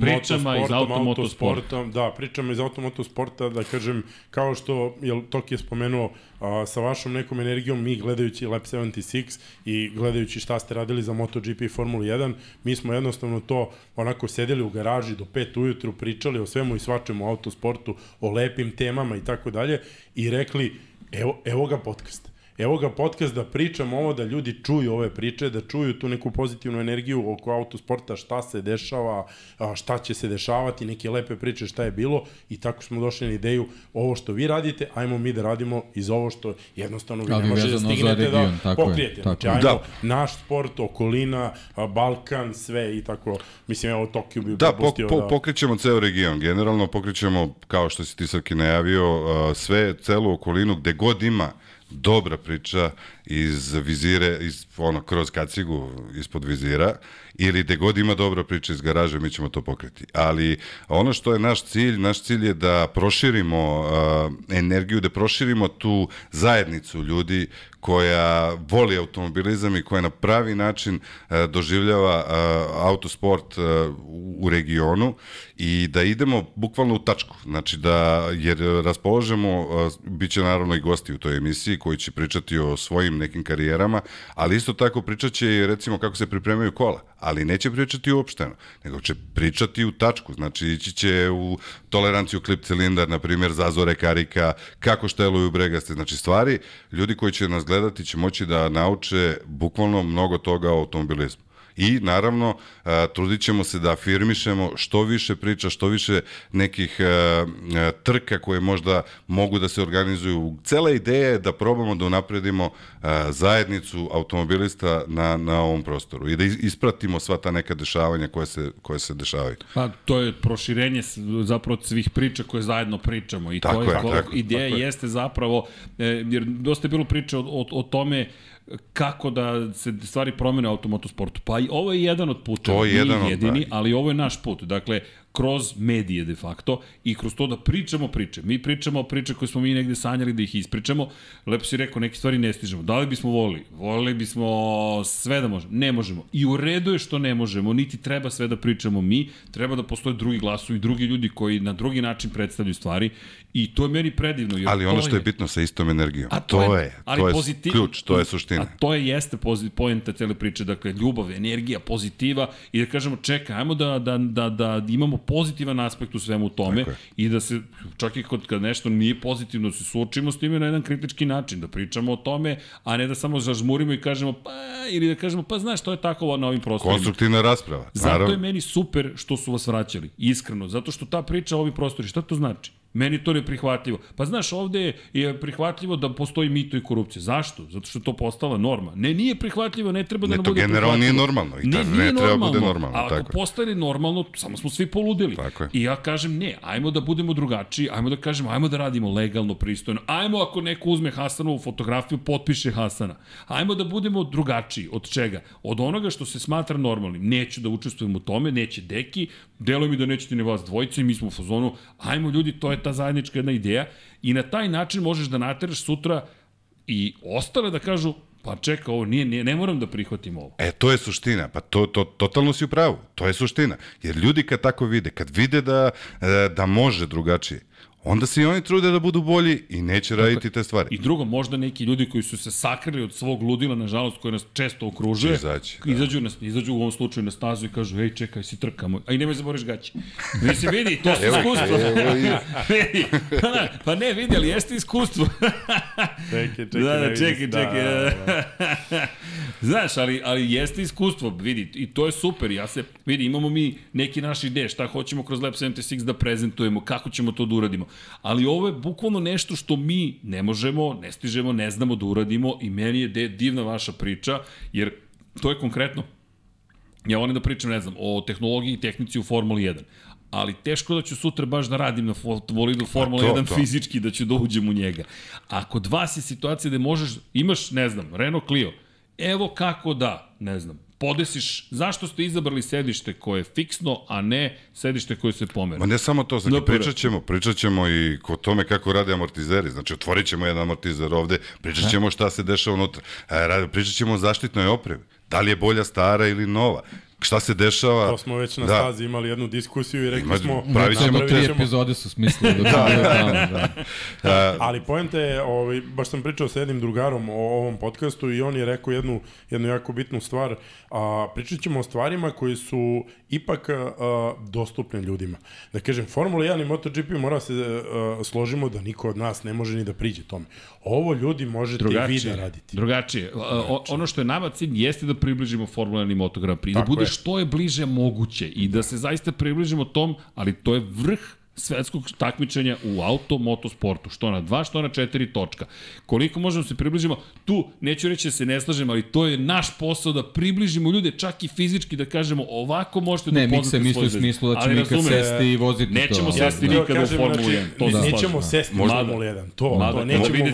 neki kako se ponašamo na stazi. ko Ne, ne, pričamo o trkama. Znači, što se, tiče trka, Ne, ne pričamo da se provoze to da li Formula ćemo 1, sesti, to... Ne, ali, ali nije bitno, nećemo mi možda. A daj da stvorimo Tako uslove da neko možda sedne. Upravo. je. Da napravimo lepu... E, to je poenta. To je to je poenta, poenta da neka da. klinka, neki klinac Tako je. sutra bude, da li u F1 akademiji, da li u Formuli 3, da li u Formuli 2, da li u Formuli 1, sve jedno, da dođu do tamo, da podržimo Filipe Jenića, da podržimo Martine tako je. Vugrinece, da To podržimo sam sad baš teo da te kažem, ljude. Martina smo imali bukvalno eto pre, pre Da, nekoliko dana da. u studiju, momka sa ovih prostora i koliko su lepi komentari bili u chatu i kasnije e, komentari u, generalno na YouTube-u oko njegovog gostovanja i to je ono u stvari kad neko Tako gleda i kaže "Pa vidi kako je momak normalan, kako je realan, kako, kako lepo priča i onda kažu čekaj pa možda ja to mogu da probam što on radi. Da, da. To je u stvari poenta e, priče, je. a to je generalno nešto što nas dvojica stvarno u, i, i Paja s nama naravno, ovaj generalno vezano za priče ovaj u, u našem podcastu ne, jednostavno ne možemo stignemo da obradimo. Mislim generalno ponekad uspemo da zakačimo neku temu, ali, Vidi, ali to nisu teme za, za 5 ili 10 hoćemo- minuta, to je tema za To je podcast. Tako je. posebna tema koja mora Tako se obraditi. Ne, imamo, znaš, apropo planova, e, e, vidjet ćete i neke ideje koje, koje imamo, koje, koje nam stoje na stolu tri godine, apropo amortizera To, ili to, da se- rada da se skine prašina pa da se vidi. Tako je, ima, ima puno stvari koje hoćemo da uradimo i to je mnogo dobro, da postoji još mesta gde se priča o tome. Što se više priča o tome, to bolje. Naravno, na jedan lep način, makar ja verujem, romantičan, neko mi je rekao romantičan sam. Jesam, romantičan sam, ili možda se to tako zove, ali ja u tim stvarima vidim lepotu. Cela stvar oko automobilizma je zanos. Ako ti nemaš zanos, ako ideš onako džonom, nije to, nije, to, nije, nije sve suština. je, to je, sve je ljubav, svemu sve je ljubav. Ako ti Da. voliš filmove, idi bavi se filmom, snimaj filmove. Toplo preporučujem najnoviji film Stevena Spielberga, gde, gde Fableman se zove, to nije, nije, nema akcionog e, momenta, nema superheroja, obožavam superheroja, ali nemate Fast and Furious moment, nemate ništa od toga. Imate priču iz njegove perspektive o njemu samom, kako je on doživao sebe, svoju porodicu, kompleksne odnose u porodici, ali kroz prizmu njegove strasti i ljubavi prema filmu.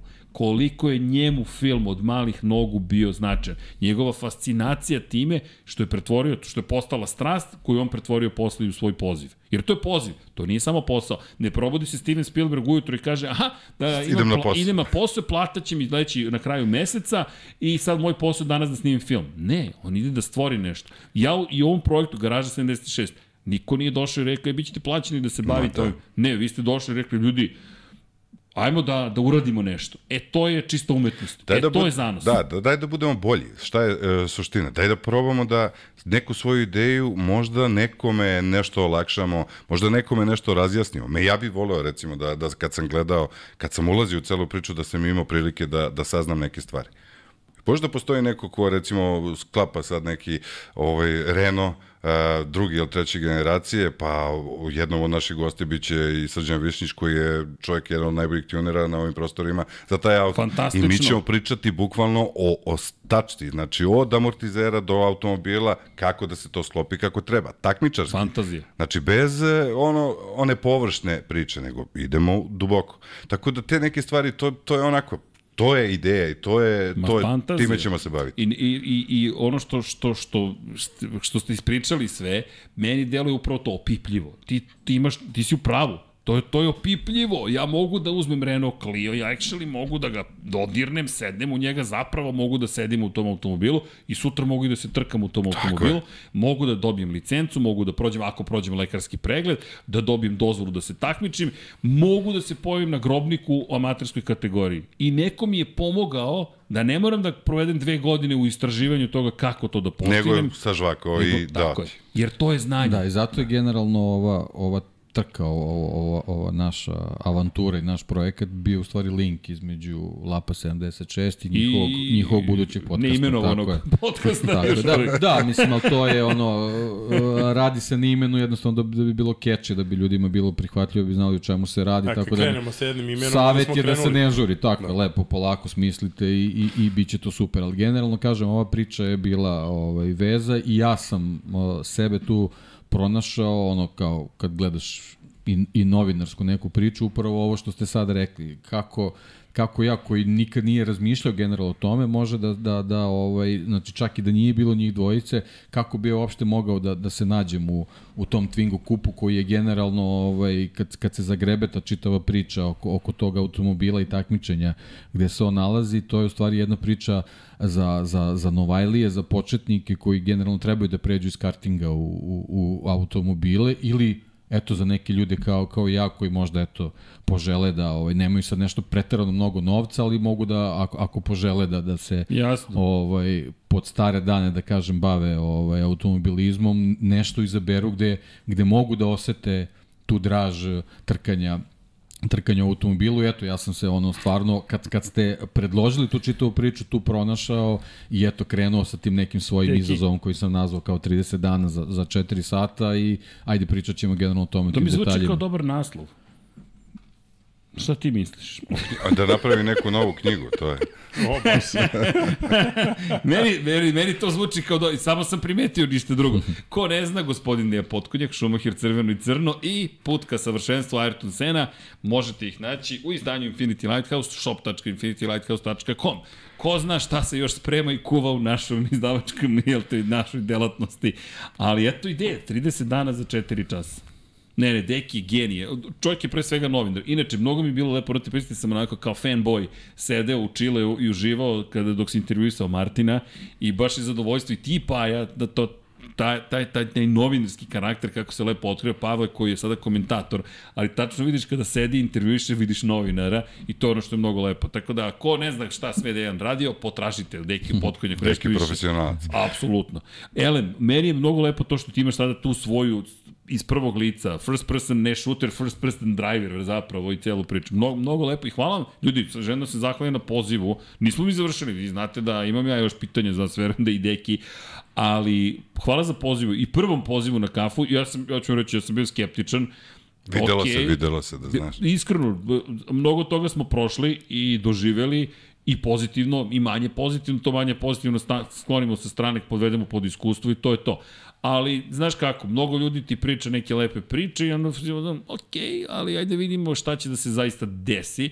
Meni delovalo kao, ok, evo vam ljudi, evo vam ruka u smislu da vidite ko smo mi, šta smo mi i da se mi upoznamo na jedan bolji način. tako je bilo, to I je tako ideja, jeste da. bilo. I, i, I mi hoćemo da podržimo lepe priče. Ja, mi smo svakog podržali, makar na početku. E sad posle, ako se ispostavi da taj neko ne radi baš po nekim moralnim principima koje, koji su naši, mi smo fazon, ok, na, radi to što ti radiš, nećemo mi ništa govorimo ni protiv tebe, ni protiv koga, ali mi nećemo da učestvujemo u tome. I to je ceo, ceo koncept. Ne moramo da pričamo loše, dovoljno se ljudi pljuju uzemno, nema potrebe, ama mi da ističemo one pozitivne ljude i stvari i, i to je mnogo lepa stvar. Tako da meni ovo mnogo lepo zvuči. Sama ideja, još jedan podcast o automobilizmu, o formuli, čemu god, ma super, samo cepajte. Znaš što sam ja to da kažem? E, poenta je da iz ovog, nisi ti to toliko osetio, ali nas trojica zajedno s tobom e, u Čileu, e, posle ove avanture na grobniku, mislim da smo za delić malo bolji ljudi. Da je svako od nas izvukao za delić nešto onako nadam bo, se, bolje ljudi, u sebi. Nadam se. Ja znam da, da mi padaju silne ideje koje ću vam predložiti šta vi se možete da uradite za druge zapravo. Upravo u tom kontekstu, ej, vidi, a mogli bismo, apropo ove priče, dakle, da, da pomognemo ljudima oko ovoga, oko onoga, da ispričamo u krajem slučaju, samo znam, koga planirate da zovete u studio, pa, pa sam već oduševljen u fazonu sam ok, želim to da čujem. Ja hoću, e, baš hoću to da istaknem. Balkan ima svoje heroje. Nisu, Ima. nisu heroji samo u MotoGP-u i u Formuli 1. Tako je. Balkan ima svoje heroje i mi hoćemo te heroje da predstavimo ljudima ovde. To je cela priča. Deki to uvek govori, ljudi kad, kad ode na odmor i shvati da je neka staza u blizini, uvek se pita "A šta se vozi ovog vikenda.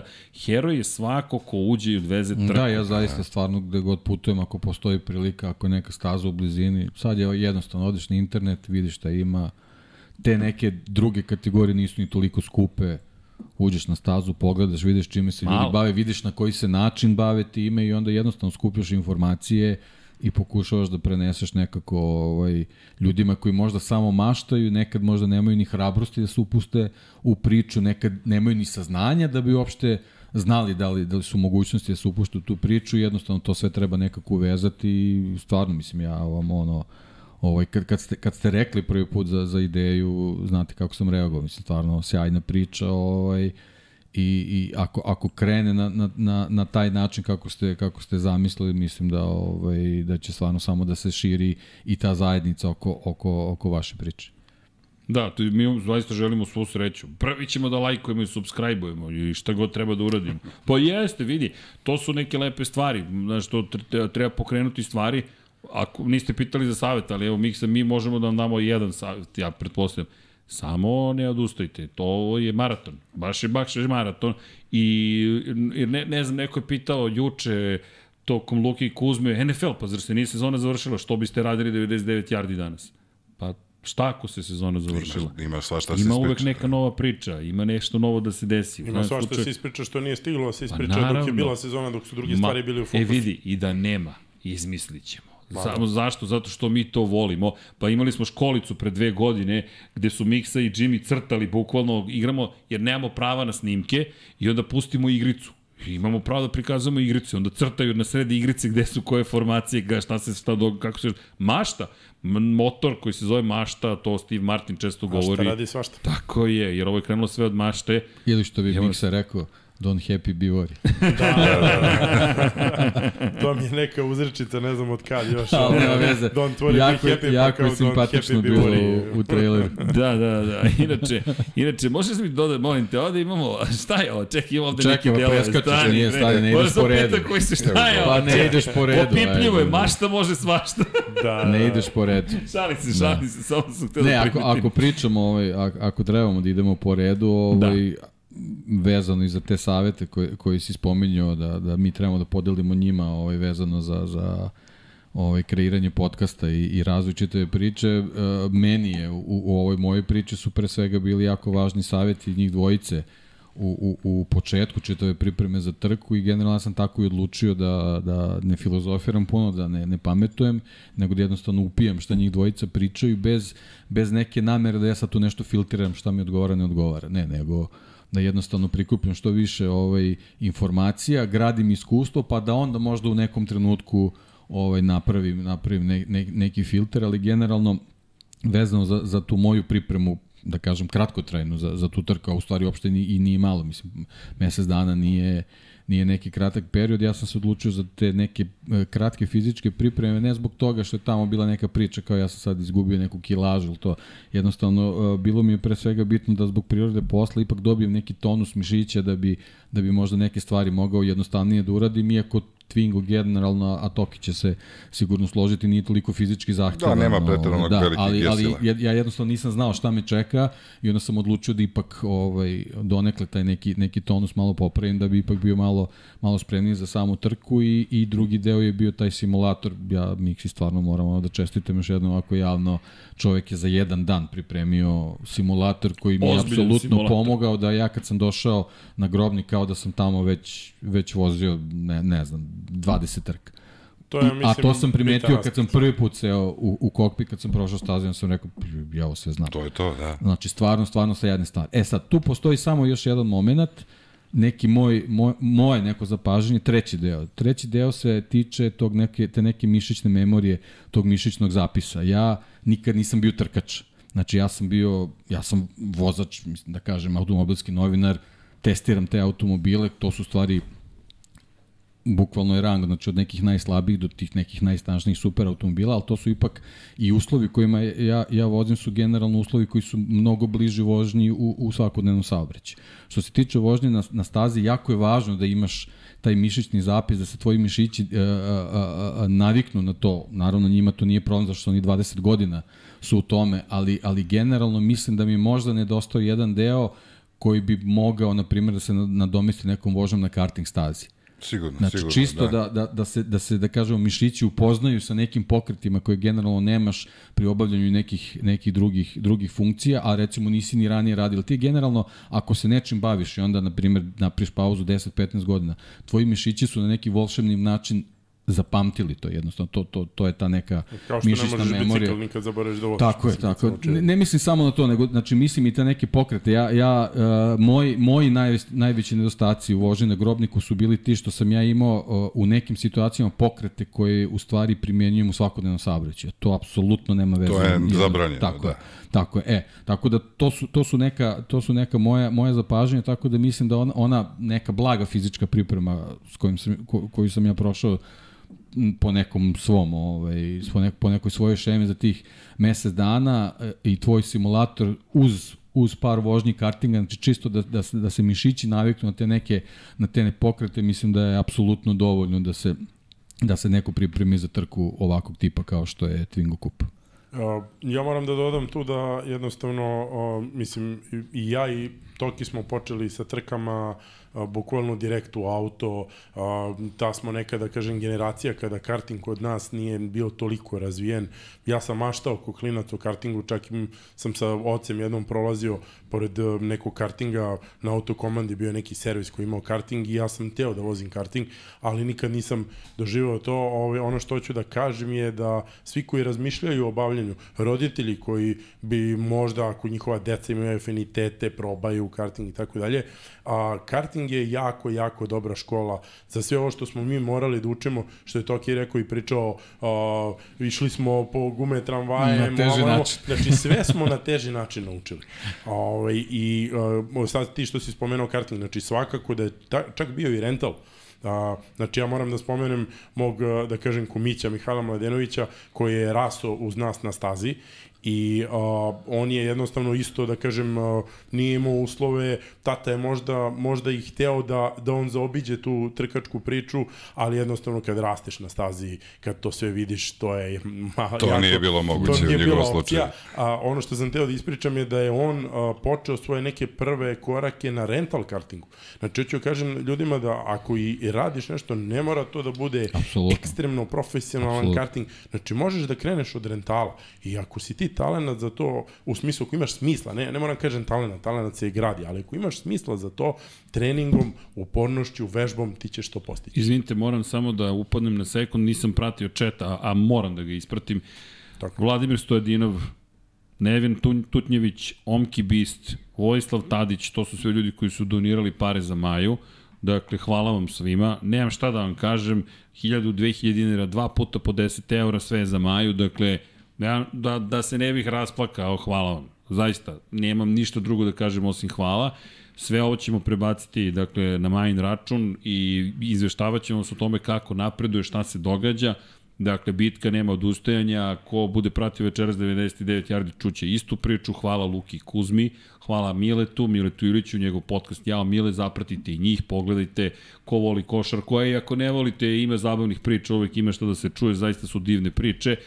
Jao Mile, dakle, koji pre svega je u formi intervju uvijek ima goste da, i to se nadam da ćete takođe imati kao jedan od, od stvari o kojima razmišljate, jer to je mnogo lepo i to nedostaje automobilizmu. Deki ja smo krenuli, imali smo neke neverovatne ljude sa naših prostora u početku, ne stižemo baš sve što želimo. U jednom momentu smo čak rekli, kad ćemo da spakujemo sve ovo, I ne, ne, niko ne izlazi više iz studija, živimo manje više ovde, što ne smeta s jedne strane, ali postoji to nešto što se zove porodica, pa još neki posao i tako dalje.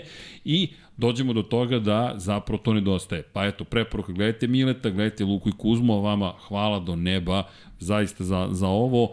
Tako da, samo izvinite što prekidam, hoću da se zahvalim i ljudima i po imence za, za podršku i ništa drugo, samo, samo zaista hvala, jer to jeste cija pojenta svih ovih priča, opet Da, vrteću u krug. Nemam, ne, nemam, ne, nadam se da do kraja života neću promeniti priču. Ljubav, to, ti, to je sve što ti ostane na kraju. Da li je to ljubav prema, ne znam, partneru, prijatelju, osobi iz porodice, ne znam ni ja, ali point je da li prema ne, nečemu što voliš da radiš, to ono što ti kažeš, strast, zovi kako god hoćeš, mnogo to, to je, to je najlepša stvar. Tako da, hvala. A, apropo ovoga, izvini što sam ti upao u reč, jednostavno sam samo hteo da dodam je, još jedna stvar, a to je karting i da kada krećeš i da li ne mora da se investira sad sve, ne mora, ne mora svaka priča da bude priča Estebana Okona, prodali su kuću, prodali su posao i uložili sve da bi Esteban Okon stigao jednog dana do Formule 1. Neće svi stići do... E, ali to sam hteo da te pitam upravo. Čekaj, mogu da, možemo da prikažemo. Ko te to zove, deki? E, šta, ko, ko, hoćeš da mu se javiš? da ne mogu sad, ne, ne, mogu da pročitam. Slobodno. Miloš Pavlović, ajde sada ti nama priznaj. Da li je Miloš Pavlović dobio poziv Dejan Potkonjak i, i pitanje, e, idem da vozim svoju prvu, prvu trku u životu, šta imaš da mi kažeš kao savjet? To je bila jedna rečenica samo. Divno. Da. Miloš je jedan divan čovek e, i, i neverovatan vozač, čovek koji je bio šampion sveta u kartingu, evo apropo kartinga, trofej Ayrtona Sene mu je pripao, čovjek koji je pobedio Jensona Battona u tom duelu, pobedio i Sebastiana Fetela, takođe na stazi. Nažalost, prosto nisu se sve, kockice sklopile, morate da imate sreće, to ono što je, što je pričao Nelson Pique, ko osvaja titul, onaj koji ima najviše sreće, ne kažem, on kaže naravno, talent se podrazumeva da ste brzi, uporni i tako dalje, ali moraju da vam se sklopi kockice. Miloš je jedan neverovatan zaista momak, momak. Meni će uvijek biti momak iako ima 40 godina i decu, ali nema veze. Ali to ti nekako ostane u sjećanju, pošto sam ga upoznao kad imao, ne znam, 16 godina, na primjer. Ali je jedan divan čovek i, i eto, saveti njegovi nekim drugim momcima koji voze sada da ne otkrijem previše i kako su značajni, jer je on prošao mnogo toga. I ne, ne. samo vozački, već i karijerno. On je bio najbliži Formula 1 od naših vozača i bio je na tom putu. Ali generalno sad kad smo pominjali karting, e, e, recimo taj e, Mihajlo Mladenović, klinac koji je odrastao na, na trkama, bukvalno od malog deteta, od tri godine, do danas, koji, on je danas jedan od najvećih talenata srpskog automobilizma. I to što je Miksa malo prepričao, nije on vozio profesionalne karting, ali u toj amaterskoj ligi, odnosno rental ligi, e, bio najbolji. A ta, ta liga je imala 20-30 drugih vozača, naučio je tu da se trka. Pa je onda prešao u mali N, pa hibrid sad dobro vozi. E, to je jednostavno, kad čovjek nauči da vozi jednu stvar, lako mu je da se, e, da se, da se ovaj, snađe u nekom drugom autu i da menja kategorije. Kao recimo kod nas, klasa hibrid. E, tako, takozvani hibrid, to je Jugo e, između grupe N i grupe A. Nacionalna klasa. E, ona e, je iznedrila vozače koji, koji posle, posle te klase su mogli da voze bilo gde u svetu. U ETCC-u mogli su se takmičiti na svakom svetskom a, šta, a, takmičenju u, u, u dobrom rangu. Znači da Evo, je to imamo, dobar, izvini što dobar te rasadnik, dobra školja. Imamo tri vozača koji su izašli iz hibrida, znači imamo Dušana Borkovića koji je bio u VTCC-u i u TCR Evropi, imamo Viktora Davidovskog a, koji vozi u našem šampionatu, čovjek iz Makedonije, ali vozi u našem šampionatu koji sada vozi u, u TCR a, Evropi, a, čak i nastupao u, u, u par trka VTCR-a. Imamo a, Ristu Vukova koji je isto vozio hibrid kod nas i prešao je u Porsche Porsche. Italija kup i evo ga od ove godine ide u Porsche Super Cup koji je pratilac Formule 1. Tako da, a, mislim, hoćemo kažemo a, šta je bitno. Uopšte nije bitna mašina koju voziš, nije bitno da to bude neka inženjerska, neka mašina puna konja, a, bitno je trkanje. Bitno je trkanje, bitno je da imaš konkurenciju, bitno je da ima puno vozača i da možeš da naučiš nešto. I to je cela poenta. I zato i rental karting može da bude nešto, naravno, mislim, mora da nađeš neku konkurenciju, ne Tako možeš je. da budeš mnogo ja sam, dobar. Da, ja sam ovo pričao u kontekstu te neke moje pripreme, da jednostavno samo, samo taj, taj moment tog nekog mišićnog zapisa je nedostajao da ja odem tamo i da da budemo ovaj, smo u potpunosti spremni za sve. što pa kaže, dobro, ali- tako to je bio ali izazov, zato je bilo po 30 dana takvi je, kakvi su tako i to je to. Ali koliko Tako je pomogao Miksa Da. u organizaciji iz perspektive simulatora, a potom njih dvojica zajedno kroz savete. Ja sam i na jednoj seansi, da kažemo, prisustvovao. Da. Da. Nije loše krenulo, ali onda sam morao na put koji se produžio i produžio i produžio i produžio. Pa ja ću dati samo jedan Ali primer. to- Znači ja sam za uh, od prvog do trećeg Stinta? uh, sedanja u, u simulatoru, da, Da, da. da. tako kažem. Prv, prvog trećeg dana 8 sekundi popravio vreme Pa po toliko si popravio i u, u realnim Pazi, uslovima u osam kolima, u Twingu. Tako je, tako je. 8 da. sekundi, a deluje ti da ovde nema ni 30 tinki kad prvi put voziš. ne, prvi put kad sam vozio kao to je to, to je To je to. maksimum, idem kući. Tako da, ovaj, stvarno, m, znači, naravno, vi ćete, to je isto jedna tema i, i, i za, za vaš podcast vezano za, za te, za te simulator, samo simulator uvijek on može da bude bolji, naravno, ali ovo što je Miksa ovaj, sklopio, stvarno, meni je apsolutno pomoglo da bukvalno trenutka kad sam, kad sam kroz pit, pit lane izašao prvi put na stazu, apsolutno sve onako kako je on pričao kasnije, kako je Toki sve dodao sa, sa tim nekim finesama i sitnicama, ja sam se trudio stvarno da, da, da tako vozim i, i, i to je ovaj, odlična, odlična priprema za neko ko, ko nema sad ne znam kakve spektakularne budžete da, da, da dođe spreman na, na, na svoju prvu trku ako to poželi da radi na taj način. Pa recimo ja nisam znao stazu i iz mog ugla recimo taj simulator je meni pomogao da A inače je bio protivnik toga tamo. da, dodam. simulator ništa. Ovaj meni Nema je, nikakve alergije osim simulatora. Da. A, simulator je meni pomogao da ja mogu da e, znam otprilike ne samo kuda ide staza, to se brzo nauči, nego da znam gde sam, a, pošto je staza je vrlo realno urađena i ti pregibi staze tamo gde, momenti gde se auto otkačinje ovaj, su vrlo realno urađeni. I meni je pomoglo, na primjer, da znam gde sam u kom momentu odakle napadam krivinu. Zato što iz Twinga, recimo, Twingo ne koristi celu stazu da bi bio brz. Twingo u nekim momen- momentima moraš da skratiš stazu, a negde moraš da otvoriš krivinu koja je nelogično da se otvori, e, recimo, u nekom bržem autu. I to je meni onako e, bilo e, od pomoći kad sam prvi put seo, odmah sam bio u nekom tempu. Ali ono što smo pričali, mi smo od ne, došli na nekih 80%, ovih 20% moramo da tražimo na stazi. Tako je. I to smo i našli, u principu. Tako, čak smo imali neke situacije da, da, da, da su neki delovi staze mnogo teži za savladavanje na simulatoru nego u realnim uslovima. Mene su na ona dva mesta izuzetno nervirali oni I mene isto, da. Bukvalno na, na simulatoru bilo kako ga zakačiš automobil se A- otkači a na kraj smo- priče, a kad smo došli na stazu videli smo ono što je Miksa priča, kaže ovde potopiš gas i kao otvoriš volan, kako čoveče kad, kad jednostavno Nije nije bilo logično, tako, da. međutim no, kad smo došli Nast- ovaj, u realnu situaciju, to je apsolutno tako. I da, izvini da iskoristim priliku da odgovorim. Prijete Dragan Šugoru, koji ste simulator, simulator koristili E, da. Assetto Corsa. Jeste, upravo sam vidio to Da. da. pitanje. Ovaj, e, jeste u pitanju Assetto Corsa, evo ja sam zam- zamolio koleginicu iz prodaja ako može da baci neku sliku, sad ćemo videti. To sam teo da kažem, gde su fotke da, sa treninga. Da, da, da. Ovaj, a, u suštini a, Assetto Corsa je, da kažem, jedna simulacija vožnje koja je približna nekim realnim uslovima, nije možda ni najbolja, ali tu smo imali stazu Grobnik, što je bitno. A, nema je naravno po defaultu igrice, ali ima da se skine. Ovaj, a, um, sam simulator a, je u suštini poenta, a, znači imati, da kažem, neku dobru, ko, korektnu opremu, ne mora ni to da bude savršeno, znači korektnu opremu, neki volan koji ima force feedback, koji može da a, ipak a, povrati neki osjećaj motanja volana, da to nije, što neko kaže, ventilator vrtiš ono bez ikakvog otpora. Znači, a, a, postoje u stvari, u, u simulatoru postoji dva aspekta a, vožnje simulatora. A, jedan aspekt je, hoćeš da budeš brz, u simulatoru, da napraviš najbolje vreme. Drugi aspekt je, hoćeš da napraviš realno.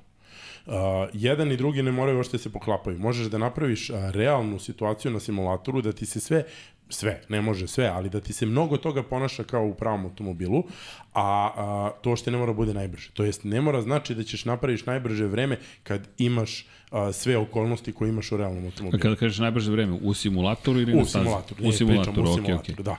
Znači, sad je pitanje da li želiš da igraš online, da se takmičiš sa drugima u e-sportcu i da budeš brz, ili želiš da napraviš a, najrealnije uslove, da ti to bude ono, ne može jedan na jedan, ali što približnije onome što bi bilo na stazi. I e, tu mislim da, da se dele, da kažem, dve kategorije ljudi koje prave simulatore šta žele, zato što u zavisnosti od toga u stvari biraš opremu e, šta ćeš da kupuješ ovaj, za simulator, ali znači da se vratim na, na pitanje, u pitanju je Assetto Corsa igrica sa simulacija, da je ne zovem igrica, a sa, e, naravno koristili smo grobnik stazu koju, eto, moram da napomenem da je a, um, rađena pre nego što je nov asfalt navučen na grobnik, pa ne može da bude 100%, ali to je ono što je dobro, mislim, a, što ti moraš da izađeš na stazu i da probaš sve, znači, a, ne može sve da bude, čak i u Formuli 1, oni sve probaju, juče što smo pričali, a, hiljadu i jedna, sto hiljada kombinacija, ali opet na kraju to moraš da probaš. Da, evo ga simulator, da. jednog grobnik nacrtan u prva leva. Tako je. Piše tako tamo, prva leva, Zagrebačka Da, rupa. E, ovo je Twingo automobil, da kažem, Twingo R2, znači to je Twingo druge generacije, nije isti kao ovaj a, Twingo treće generacije, ali evo, ovo je izlaz iz takozvane rupe a, krivine i, i pogled iz automobila, a, u pitanju je neka Fanatec baza V2, u, ovaj, to, to, je, to je neka oprema koja nije toliko preskupa i to je, Da. to je dostupno ljudima. Te verzije Fanateka nisu Tako više je, toliko, tako je. pošto to nije najnovije. Fanatek inače i po mojem mišljenju komercijalno najbolji. Kada pričamo o tome šta da. možeš da Da. kupiš u slobodnoj nekoj prodaji, mada mislim da kod nas čak moraš specijalno da ga naručuješ i tako dalje, ali kako god, on je u slobodnoj prodaji. Nije to industrijski simulator koji je, ne znam, ekipa McLarena napravila. Imam bar jedan dokaz da Evo, sam ima nešto dokaz probao. da je nešto po, da se u, uneo u celu priču Da, da, da ih da, da, da, da, da, da, da, da. odradi.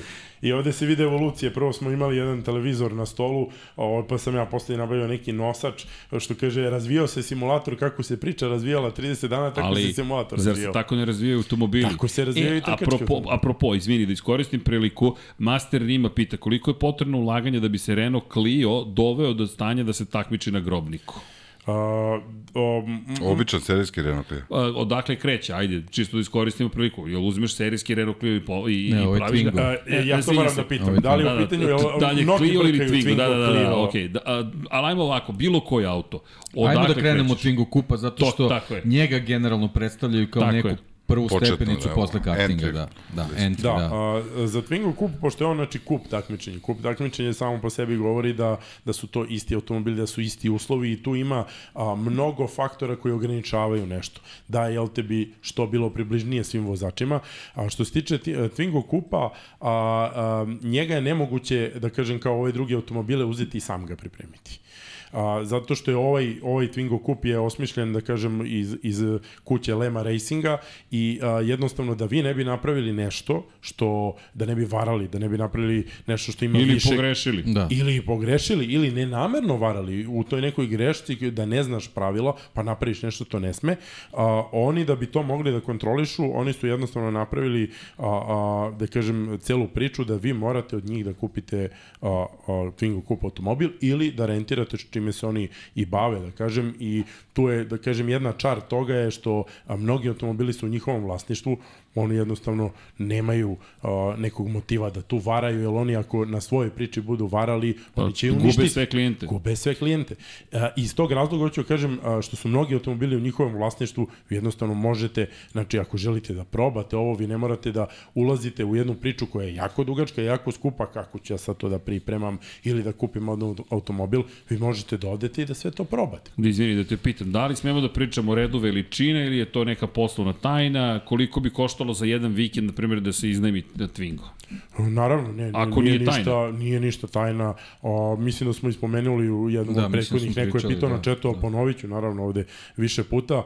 A, ja bih rekao da na četu za, da kažem, jedan vikend da probate, jedan izlet, jednu avanturu, a Twingo kupa, mislim da bi trebalo da se odvoji reda veličine 2 do 2,5 hiljade evra, a, znači računam i da odete tamo a, do staze, a, da odspavate, da platite rentu automobila, a u renti automobila, da kažem, je u sve uključeno, ono što je Deki rekao, ključ u ruke, znači na vama je da dođete na stazu, čak i ako nemate opremu, možete se ob- obratiti Lema Racingu i kažete, treba mi kombinezon, treba mi ovo, treba mi ono, eto imali smo situacije. Da, ne, je oni će sve da zatrebalo. daju ljudi. Tako je. Generalno mislim da je cena 1800. Uh, Poenta je da ljudi se snalaze na razne načine gde će spavaju. Znači, poenta je da cena koštanja vikenda, gde ti je sve omogućeno, ključ u ruke, je, koliko se ja znam, Ja ne 1800 mogu sad sa da kažem zato što ja već uh, više od godinu i po dana imam svoj auto i nisam rentirao i ne raspitujem se za te cene, ali ja sam grubo Mislim rekao da je Mikan pomenuo dve do dve i po hiljade bi vam trebalo, Pa ali ipak ajde da, ima da tu kažemo troškova. recimo da nek se vrti oko 2000, Da, tako je. pa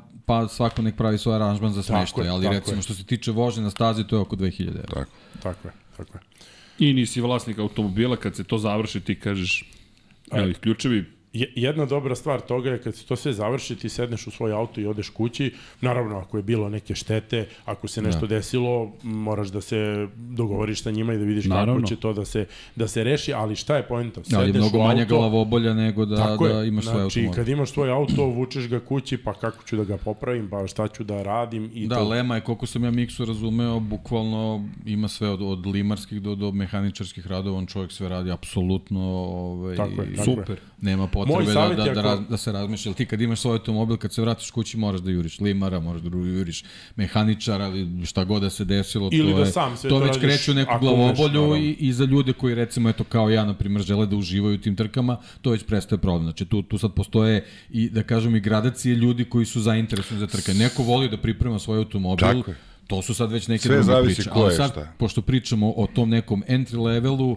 ovo je priča da bukvalno dođeš, bukvalno ne moraš da imaš ni, ni, ni opremu, tamo te sve čeka. Mo, moj savjet u stvari za, za, za ta neki prvi korak da vidiš da li te to interesuje, jer svakako a, u, u toj izvedbi rentiranja, zato što za jedan vikend možeš da vidiš o čemu se tu radi, šta te tu sve čeka, da li će to da te drži i dalje, da li će da ti se svidi, kažeš, u, ovo je super. Mislim, ljudi su tako dolazili, evo moram spomenem Nikolu Jančića, a, dečka koji, a, koliko ja znam, se bavio futbolom i u nekoj priči a, je, je sa, sa o, Rogulićem koji ga je pozvao da vozi Endurance, baš ova priča Endurance-a, došao prošle zime u februaru, evo isto kad smo mi vozili, a, odvozao tu jednu trku sa njim i video, wow, Twingo Cup, ovo je zabava, čovjek je naručio auto i kupio i je vozi celu prošlu godinu sa nama. Znači, Sjajno. probajte jednu trku, vidite da li vas to interesuje, ako vas ne interesuje, opet jedna jako lepa priča, jedna jako lepa uspomena, ako vas interesuje, onda znate da idete Onda dalje. već, pa već da možeš da praviš računicu Onda sa tim iskustvom. Dobro, samo Pa da ne, kažem, a, da. ne mora, ne mora praviš se startuje sa Twingo kupom, Tako znaš, je. za, za 2000, malo više od 2500 eura može se kupi e, početni auto u našem domaćem šampionatu. Pa dobro, ali sad već pričamo priče o nekim stazama, Da, sad već da. idemo i na, i na taj nivo. A, U poenta je principu, samo, evo da. ja da kažem, mislim, da se složim sa Tokijem, znači poenta je samo šta želite. Znači, Tako je, apsolutno, Je apsolutno. u nekoj izvedbi a, da, da kažem, odmah krenete u tom nekom a, putu Evrope, do, pravih staza, dobrih staza. Mi naravno imamo naš domaći šampionat, znači evo spominjali smo Malien, koji je u stvari u našem nekom šampionatu bio entry level i, i dalje i za tu neku cenu što je ovaj Toki spomenuo, može da se kupi jedan, da kažem, auto od nekog vozača. Nema šta, pa lepo je voziti na ušću, e, generalno imamo stazu koja je Beranovac, može, kogod se interesuje za trke, može da, da, da sebi to ostvari, generalno ne sa nekim velikim troškovima i samo je poenta da se usudi i da, da mašta. Ja Kažem, ako neko hoće da se takmiči po pistama i to sve, odlična je stavka da, da krene sa Twingo kupom, ali recimo isto postoji e, opcija da, da vozi ovde domaći šampionat sa Jugom Mali Menom, to je početna klasa gde mogu da voze juniori, gde je recimo vrhunski malijen da se kupi 4000 eura. I sa nekim malo budžetom, eto, eto može sebe da napravi utrkača.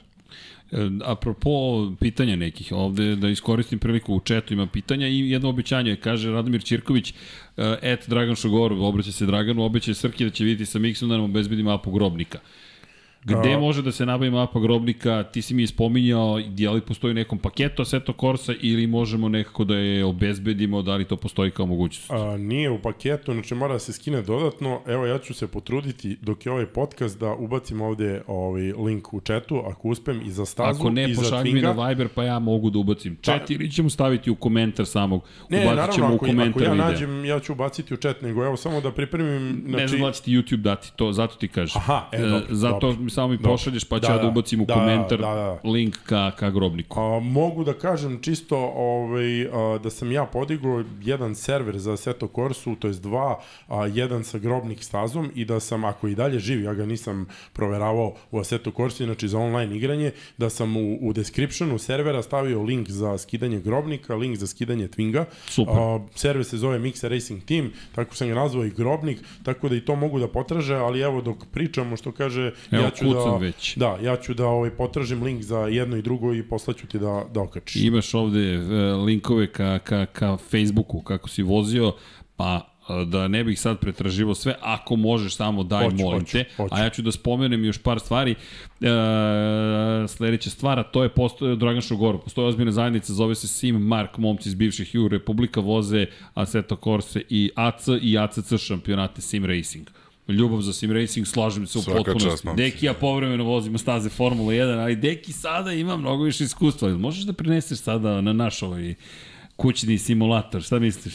Probat ćemo da Probat ćemo, to ti kaže Deki. Mislim da će se iznenadiš sad.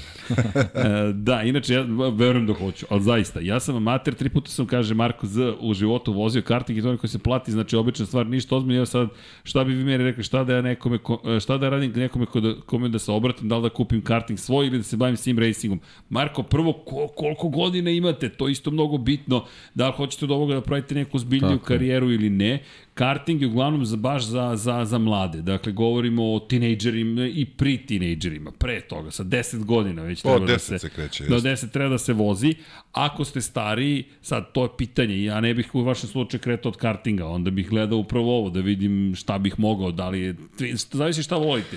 Brdo, krug, reli. Svašta nešto ima, ali generalno početak je karting, samo što karting nije obavezan kao početak. Marko ima 16 godina. 16 godina. Karting, e, karting godinu dana i onda posle na discipline, da li kružna, da li brdska, da li da re. krene Marko na karting? U neki E, klub da se javi? Može kako, da se šta? javi, nek se javi auto, u SAKS, Sportski auto i karting Savez Srbije, oni će mu naći klub, e, mogu da mu pruže sve informacije vezano kako da se vadi licenca i to, ili nek piše nama, mi ćemo mu napištati e, Marko, šta, ali generalno mora da shvati... Pratite podcast koji još nema ime. Da, a mora da shvati da karting e, nije jeftin, karting je otprilike je ista, isto košta kao, kao i početna klasa a, u touring automobilima, znači otprilike za karting treba oko 5000 eura da bi se odradila sezona, tako da bi ja recimo neku ligu, rental, dobru, jaku rental ligu odradio i onda video pre, pre svega da li sam za to ili nisam, ako jesam, ako sam dobar, uspešan u tome, onda bi krenuo u automobilizam. E, Eto odgovor, nadam se, nadam se da smo malo pomogli u celoj priči. Inače, Dragan Šogorov kaže ima već stazu ako ti treba, mogu da ti pomoći da nađeš. Da, e, bilo je tu još par stvari, da, Walter 030 kaže, osjećaj kada sam nakon par sati prve karting vožnje u punoj brzini pogodio putanju kroz krivinu, ostaće mi urezano sećanje celog života. Bio sam klinac pre 30 i kusur godina, ali cenim da je to taj To je osjećaj. to, kad se ispravi krivina, U do- kad u odjednom se decembru ću saznati. ispravi. E to, čekamo jedva. Ja, ja, iskreno ti kažem, ja volim, ja bih volio da vozim opet. Mislim, super što ćemo voziti opet.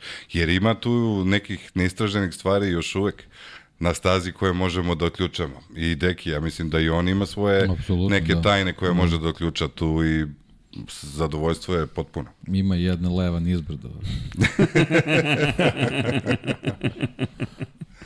Ore, ostala je urezana u sećanju. Da, da. Da. Da, li, da li pun gas ili ne, zavisi od Da. vremenskih uslova. Pun gas čim može, a sad ovaj, Ne, ne, kontrolisano. mi sad vraćam film, nije, nije bilo do gasa, vi- više do nekih drugih stvari. A dobro, to je nauka, to je, to je učenje.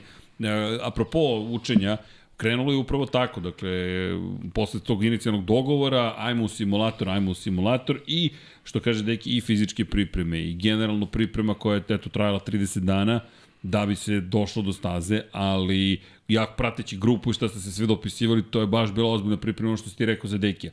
16.00 se vidimo, vidimo Da, se da. 16.00. Tačan kao sad. Ivan Velik, Velikić pita da li se u decembru vozi isto grobnik. Da, Ivane, vozit će se isto grobnik. Eto, to smo i mi sad saznali. Ne znamo još tačno kog decembra, ali okej. Ne, do voze, tada... se, voze se umeđu vremenu trke, ali Miksa je gledao, pošto se generalno poklapa s tvojim kalendarom prenosa, da. jednostavno nemoguće. A vozili bi mi ranije, ali Jer gledali smo MotoGP, neko, neko Formula lepše 1, vreme, međutim ne, ne postoji šansa da ne se... postoji da, šansa da, da, da Kad odredimo. krene, Bila je opcija ljudi. Hungar ring, Slovakija ring, Red Bull ring ili Ništa grobnik. ne može se I sve se gađa sem grobnika. A, Vidi, mora prva da bude grobnik, ali čekaj, sad, kad, sad si ovde kad si tako ubacio sve to, pazi, Hungar Ring, Red Bull Ring, Pa to Ne, ja moram, ja moram da dobacim da, da za endurance nisu sve te staze, to je kružni To je šampionat. kružni šampionat, a da. bila je u pitanju Slovakija ring i bilo je još nekoliko grobnika, jer na grobniku je, da kažem, pogotovo sada, ovaj, a, mislim, lako organizovati endurance. Da, O, nema no- puno trke u kalendaru, da. Na ovim stazama e, mno, mnogo su zauzete, mislim i grobnik je dosta zauzet i na njemu nije na, tež, lako naći će termin, ovaj, ali e, recimo no- novina za ovu godinu je Slovakija Ring smo mi vozili, da kažem, u tom kružnom šampionatu redovno i ta Slovakija Ring u avgustu, a, koje je u stvari za, za češki šampionat i slovački šampionat, to je ono zakucana trka koja se dešava, a ove godine je novina da će se za vreme tog Slovakija Ringa, znači kada idu a, GT automobili, kada ide Formula 4, u celom tom ESET šampionatu koji mi vozimo, ide Twingo, ide Clio Cup i u tom celom delu će se u subotu desiti endurance od 2 sata. I to je onako malo lepo da kažem kad, jel ovde smo bili sami, ono što si ti spomenuo, Da. ovde smo bili jedini na stazi, samo naš endurance, a Da, ovaj... imali smo garažu, Tako druga je, priča. a, e, Druga a, priča, meni je da. bolje što smo bili sami. Da smo bili momenat. u gužvi, bili bi onako... Bili bi negde tamo. Pa ovde smo bili prvi bend, nismo bili prateći Tako je, razumeš? da, da. A u ovoj režiji, recimo u Slovakije ringu, ne bi mogli da dobijemo garažu. Pa to, da. I to je ono pojenta... Zato ništa, grobnik, to je priča. Da. Srki grobnik, te čeka. Ne, mora Grobnik da bude prvi. Vidi, Da. da. nekako simbolično je, na sve moguće načine. I zbog onoga što smo deki ja pričali, koliko nam se i dopada cela priča o Grobniku, istoriji Grobnika, i zbog toga što je odatle planirano da se krene, Pa mislim, da se krene. generalno to je staza na našim prostorima, Tako nema je. razloga da, da, Tako je. da, da idemo na neku drugu dok nju, dok nju potpuno I znamo teren sad, istrošimo. znamo gde su najbliži ove dobri lokali i to. Vidiš. Dobro, sad, znate kako tim je najjači koliko i najslabija karika. Jeste jaki koliko i najslabija karika. Vidit ćemo šta će reći naj, ova najslabija karika. Da, Pa ne. zanimljivo je za Endurance, izvini, apropo uh, sedišta. E, ja i ti, ok, to, To, je... ti ja, Sad sam, ti to, ja. sad sam pomislio to ne gine mi opet, opet sunđere da, da A podnećem. sad ćemo pod- nađemo neke adekvatnije deki. Možda bi malo bolje položaj mogli da napravimo, jer i meni je onako bilo malo daleko, da, da kažem, i sigurno mi bi lepše bilo da sam bio pribijen, ali ono što si spomenuo... Imamo bi pol poziciju. Ovaj, da, možda. možda ovaj, ono što si spomenuo, znači nismo hteli da stavimo sedište sa a, klizačem zato što u suštini ipak se gleda na bezbednost i taj klizač postoji, da kažem i od Sparka, jednog od proizvođača a, te bezbednostne opreme, ali poenta je što a, taj klizač se drži na jednom jako malom metalnom Da, pipku u koji slučaju udesa, a, u, da. mislim pozicija se drži na njemu i u slučaju udesa on može lako da se iskrivi tako da uvek je bezbednije a, imati fiksno nešto što te drži i iz tog razloga smo i to izabrali tako da za sledeću trku m, rešit ćemo možda malo bolje poziciju ako budemo imali malo više vremena Da. i to je to. Dobro, lepo. Lepo, planovi se već kuju, već se pripremaju druge stvari. Ko zna, ove godine šta vas sve čeka i u Lab 76 i u nepoznatom junaku. Da, Da za sada.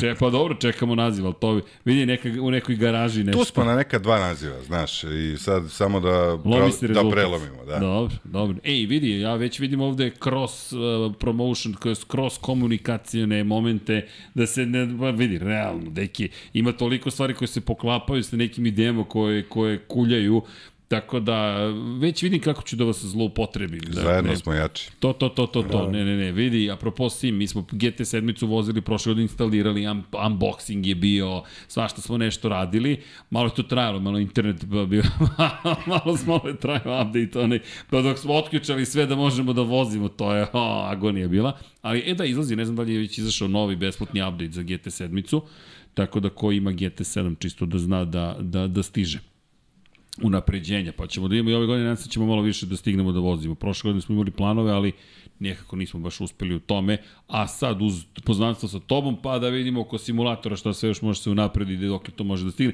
Jer ja sam već gledao kako mogu da unapredim naše, naše instrumente, makar, makar opruge da promenimo na kočnicama. Znaš, Tako je, da bude te- tvrđa kočnica, da Tako imaš taj je, osjećaj pravi. je. Da, Ne, da. ne, ne, ne, Vojović, naš drugar koji mi, koji mi je pisao, Srki, obavezno, molim te, skini ovu originalnu oprugu. Mnogo je to mekano. Samo ovako potone, ništa, ničemu ne I služi. onda za to. previše kočiš. Tako je, i ti ni ne znaš zašto kočiš i koliko kočiš, ti nagađaš koliko da kočiš. A kao što bi rekao jedan moj drugar, ko koči, taj gubi. A, deki si kočio. Pa redko. Trudio sam se što manje. E, u Twingu stvarno ne mora se koči nešto puno, znaš, to je auto koji je nejak, ali je mnogo zabavan za vožnju i e, mora da se koriste svi trikovi iz knjige da bi, da bi bio brz. Da, znači. ti na pravcu dosta dugo putuješ, ovaj, ali što se tiče tih nekih ključnih mesta na stazi, Jasno. ovaj stvarno treba da se pogodi, da, ali vremenom stvarno, ovaj, ja sam se pitao kako ću znati da li se nešto pogodi i bukvalno znaš u svakom krugu tačno jednostavno na osjećaj, znaš kad teče. Pa da. Kad, kad Čuješ ne teče, znaš kad si kad, ne, kad ne motora, teče vidiš da, da nije u redu. Znaš kad si brz, jeste. Tako je, Jasno. tako je. jasno. Dobro, to je taj osjećaj koji se stiče i ono, ma sve što ste pričali već, da se ne ponavljam. Ali čekaj, od simulatora posle vežbe, vežbe, vežbe, simulator, vežbe, vežbe, vežbe, vežbe i... Pa da, i onda smo došli ovaj, pred, pred polazak, jedini ovaj moment je bio lekarski pregled, to smo morali da uradimo zbog, zbog licence generalno, ovaj, i posle lekarskog pregleda već je krenulo pakovanje put, mislim, jednostavno nije, nije bilo tu sad nešto ovaj, nekog vremena za neke druge druge spektakle, Miksa je to već sve ovaj pripremio što se tiče ovaj uh, kampera i, i, i čitave te priče, automobil nas je čekao ovaj, na stazi, tako da ovaj, Super. Ništa generalno bilo samo ono da pokupimo ekipu, da vidimo da li će ti da dođeš i da krenemo. da, da, to je bila drama. Da, to je, to je bila ta, da kažemo, prva drama. Generalno sedeli smo kad si javio da da imaš te probleme, bukvalno da smo seli pre nego što smo se uključili u Zoom dakle, sa to, na trojica smo te, seli i kao šta da radimo. Jednostavno to je to je ovaj bila bila ovaj bilo prvo pitanje i mislim je li trajalo sekundu, ovaj. Nije puno trajalo, da.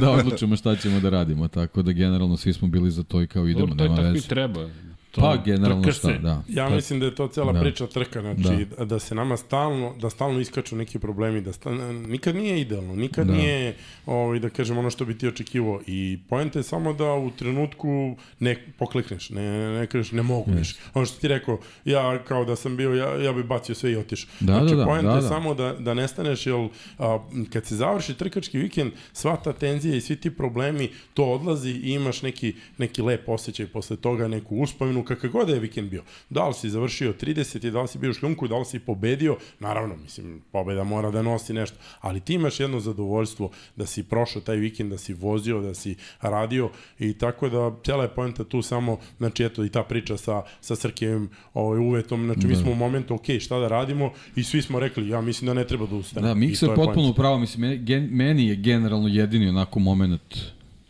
kad, kad u stvari nisam znao šta je šta šta se izdešavalo subota ona ona kad sam se kad sam izgubio zadnji deo kad sam kad sam mm -hmm. udario jednostavno nisam uopšte znao ti si rekao ko pa mogu si da upališ da dođeš pa da. ja sam rekao ne, ljudi nemam pojma ja sam da, izašao da. iz automobila vidim da nešto nije baš kako treba rekao bolje da dođe šlep da me odvuče u garažu pa ćete vi videti o čemu se radi dobro si postupio i bukvalno i bukvalno taj trenutak od od od od, od trenutka kad sam izašao iz automobila da vidim šta se desilo do, dok vi u garaži niste rekli da u principu nije ništa spektakularno spektakularno, to mi u principu bio najgori deo priče, ili, jednostavno ne znam da li se priča nastavlja. Ne, ne znam, ovaj, da, da, ne nisam mogao da procenim, tako je. Ovaj, e, tako da ovaj, sve ostalo apsolutno zadovoljstvo i apsolutno sve, sve pozitiva bilo. Onaj naš put, to je u principu bio kao i život. E, život je trka s preponama. I uvek ima nekih, e, mi smo imali prepone u vidu e, čarapa, imali smo prepone u vidu nalepnica, nalepnica tvoj, tvoj, njeg, Sakijevo, Sakijevo infekcije. Mog prsta. Tako ali da, bukvalno da, je krenulo prvog dana. od prvog dana su krenule prepune, ali nekako smo ih sve preskočili i uspeli smo da, da završimo priču u nekom jako lepom uh, ambi, u, u maniru i to, to je nešto što makar mene drži onako i, i dan danas, koliko je prošlo 7 dana skoro trke. Tako je. Tako Peti je. dan u stvari, Ovo, ali... Da, da. Mogu da delim ovaj... Naravno, naravno. Dobro. Da. Miksa mi je poslao upravo za one koji su zainteresovani, koji žele da preuzmu mapu za grobnik. Dakle, čekaj, e, stanite samo da nađem edit video. Dakle, sad ćemo da ubacimo u opis, stavit ću u chat za svaki slučaj, ali odmah ispod toga ćemo A, grobnik. U pitanju je, ovaj, pošto e, Twingo je jako teško naći i ja sam ga jedva našao, a grobnik staza postoji na racedepartment.com, ali mislim da mora dva. da se registruje i uloguje, pa sam ja, kad sam kreirao ovaj server, stavio na, na Google Drive, tako da dva linka su sa Google Drive-a i kogod hoće može slobodno da skine i stazu i auto, da ubaci Assetto Corsa, to je vrlo jednostavno, znači zapakovani fajl se otpakuje i ubaci u, u content direktorijum i to je sve i mogu da voze o, bukvalno ono što smo mi vozili, što smo trenirali. I da kažem, eto, koristili smo defaultni setup da ne promenimo ništa, naravno može auto da bude malo brži kada se na setupu malo poradi, otvoren, zatvoren trap, tu je, tu je najbitnije. Čekaj, možemo kažemo i vremena. Najbrže vreme nam je bilo... A, ne mogu Pa, uh, ti si 30, ušao u zato pričamo za- 1.34. 34, Za da. simulator. Za simulator. Pa je. da. 1.34, Da, da. mislim da si 34. ti deki ušao... Uh, Ja sam imao 1.34.9, ali najčešće mi je bilo 1.35.1 do 31, Tako tri, je. do 1.35.1, 1.35.5. Tako je. To je otprilike... Tako je. Još Stiglo jedan je, srđan pa da. da se javim samo. Aha. Da, da, da. To je meni onako bilo da kažem a, Ne, ne, najuobičajenije, 34 ili 33? 34. A, mali Mikan Mihajlo Je Mladenović 33 je 100, da, 33 33 niskih. da. Da, da. On vozi Eto te tako da pa ljudi da. ako sad skinu nek probaju. Neka probaju, Nisu uopšte spora vremena, ali samo mi nismo uh, podešavali ni menjač, ni Da. gume, ni ništa, nego smo vozili taj Nama je bio ključ da uđemo ovaj, u, u ovaj, konfiguraciju staze da bukvalno napamet naučimo, posebno zato što nismo vozili automobil koji ima realna vremena kako smo mi posle imali na, imali na stazi. Tako Da, to vozili nama nije bilo sa ključno. 7 brzina na Tako je, da, da, simulatoru da, i potpuno svašta neke nešto. druge priče, da, da. Evo, ubacio sam, dakle, grobnih mapa za Seto Corsa i Renault Twingo imate u opisu, dakle, u descriptionu popularnom, a Ivan Velikić kaže imate vremena da spremite sve i do pobede. Tako je. A Walter kaže da čekam podcast bez imena, imam jedno hiljadu pitanja za Tokio i Mix. Da zovemo Vladu Georgijeva. Podcastu bez imena. Može tako da ga nazovemo, ko zna. Vidjet ćemo, vidjet ćemo. Evo, ja ću se potruditi da kažem u tom podcastu da što više ovaj, propratim pitanja ovaj, gledalca i slušalca i da, da probamo da odgovorimo sve, jel to je poenta. Pa znači, jeste, to ti je balans nekako. U jednom momentu uh, hoćeš da ispričaš neku priču, onda odgovoriš na pitanje, onda ajmo danas imamo priču. A Gde smo bili sa pričom, nemam pojma, ali mi volimo tu slobodnu formu. Ponekad samo pričamo, ponekad samo odgovaramo, ponekad je miks i tako dalje.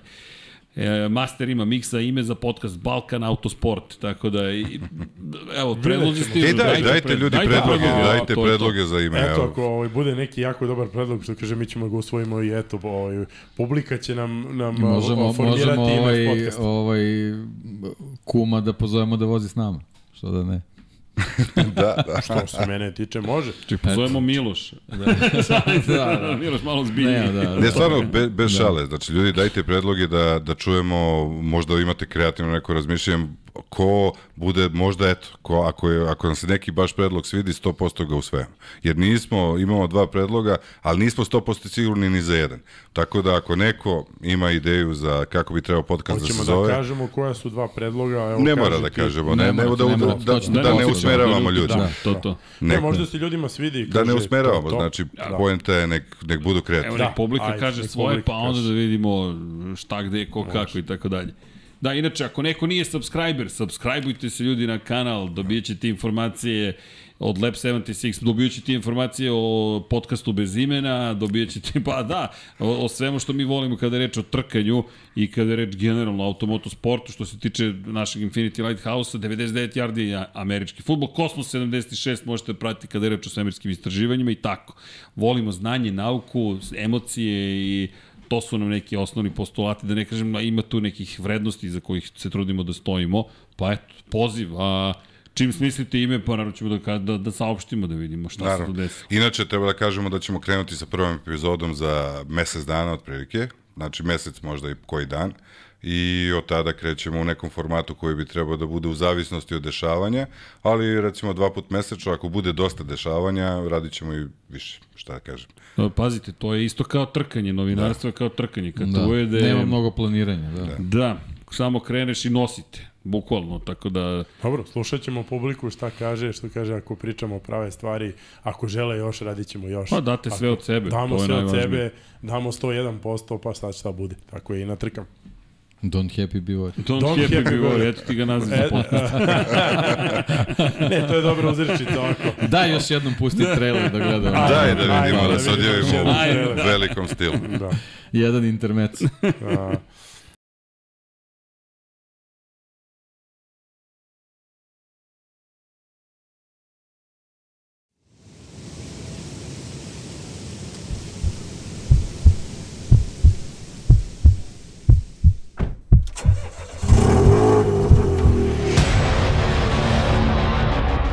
ovoga, da reč nikome ništa, znaš ono kao loše je vozio.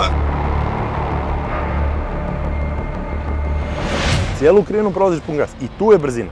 I tu je čar ove krivine. Moraš da osjećaš. Telo ti bude senzor ogroman.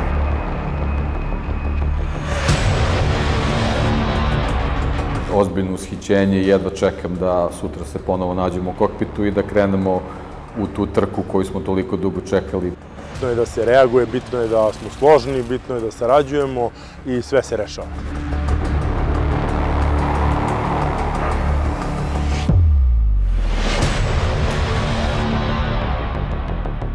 Na kiši se poznaja tehnika, znači na kiši se odvajaju vozači od Znači mora nešto, mora da Manekena. ostane.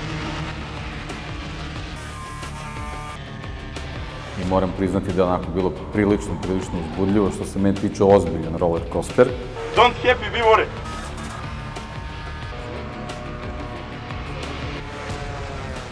izletanja, vraćanja sa staze, pravi rock and roll, Daytona, bukvalno.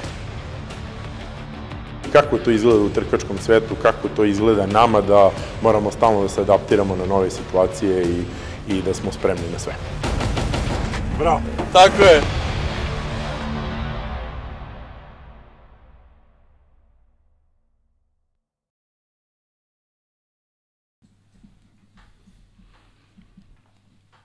Zadovoljni? Tako je. Svi ćutite. Ajde, ste manekeni ili ste vozači? Šta je sad? Ne, ja mislim da smo mi pokazali da kiša nam nije neprirodno stanje, znaš, tako da... Da, da, da, da je najprirodnije zapravo stanje od svih. Meni je, da kažem, drago bilo da kad smo sve to vozili, a, da, da ovaj, smo i uspeli, eto ja sam izašao u nekom trenutku na stazu i napravio sam, što kaže ono, ti si prokomentarisao, napravio sam u klasi najbolje vreme, što kaže, a, a sam sam sebi iskomentarisao, nisam za bacanje.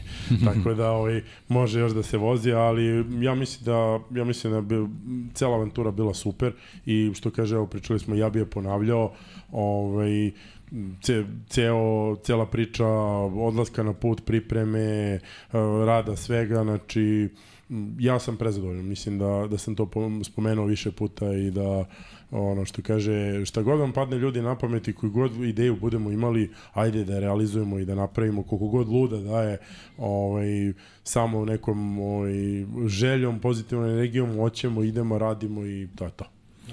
Pa Ne, vidi. mislim što se mene tiče, izvini, mislim ideja je bila luda u toliko što ovaj, sam se više puta pitao o, otkud vama ideja da, da mi možemo da vozimo ovaj, te trke. Meni, meni to, samo Da, mi je taj je detalj bio onako, pitanje. kao čekaj, znaš, mislim, kako su sigurni da, da, da će to moći da prođe. Znači sve ostalo od, od, od ekipe koja je tamo bila, mislim, eto, žao mi je što ni Srđan, ni da. Rena, generalno još neki ljudi koji smo planirali nisu mogli da budu tamo, ali ova ekipa stvarno što je bila, ja, ja sam ono, što se mene tiče na kraj sveta sa svima njima. Zaista je bilo fenomenalno i ovaj o, e, generalno e, kak, koliki god da su problemi bili u kakvom god segmentu e, jednostavno osjećalo se da ćemo rešiti da, da nema nikakvog razloga da da da ovaj posustajemo ili ili da kao krećemo ne znam kakvom smeru ili ne znam šta stvarno je bilo onako sve sve kako treba ovaj Eto sad ajde već da se na- nadovežem kad je, kad je ta ovaj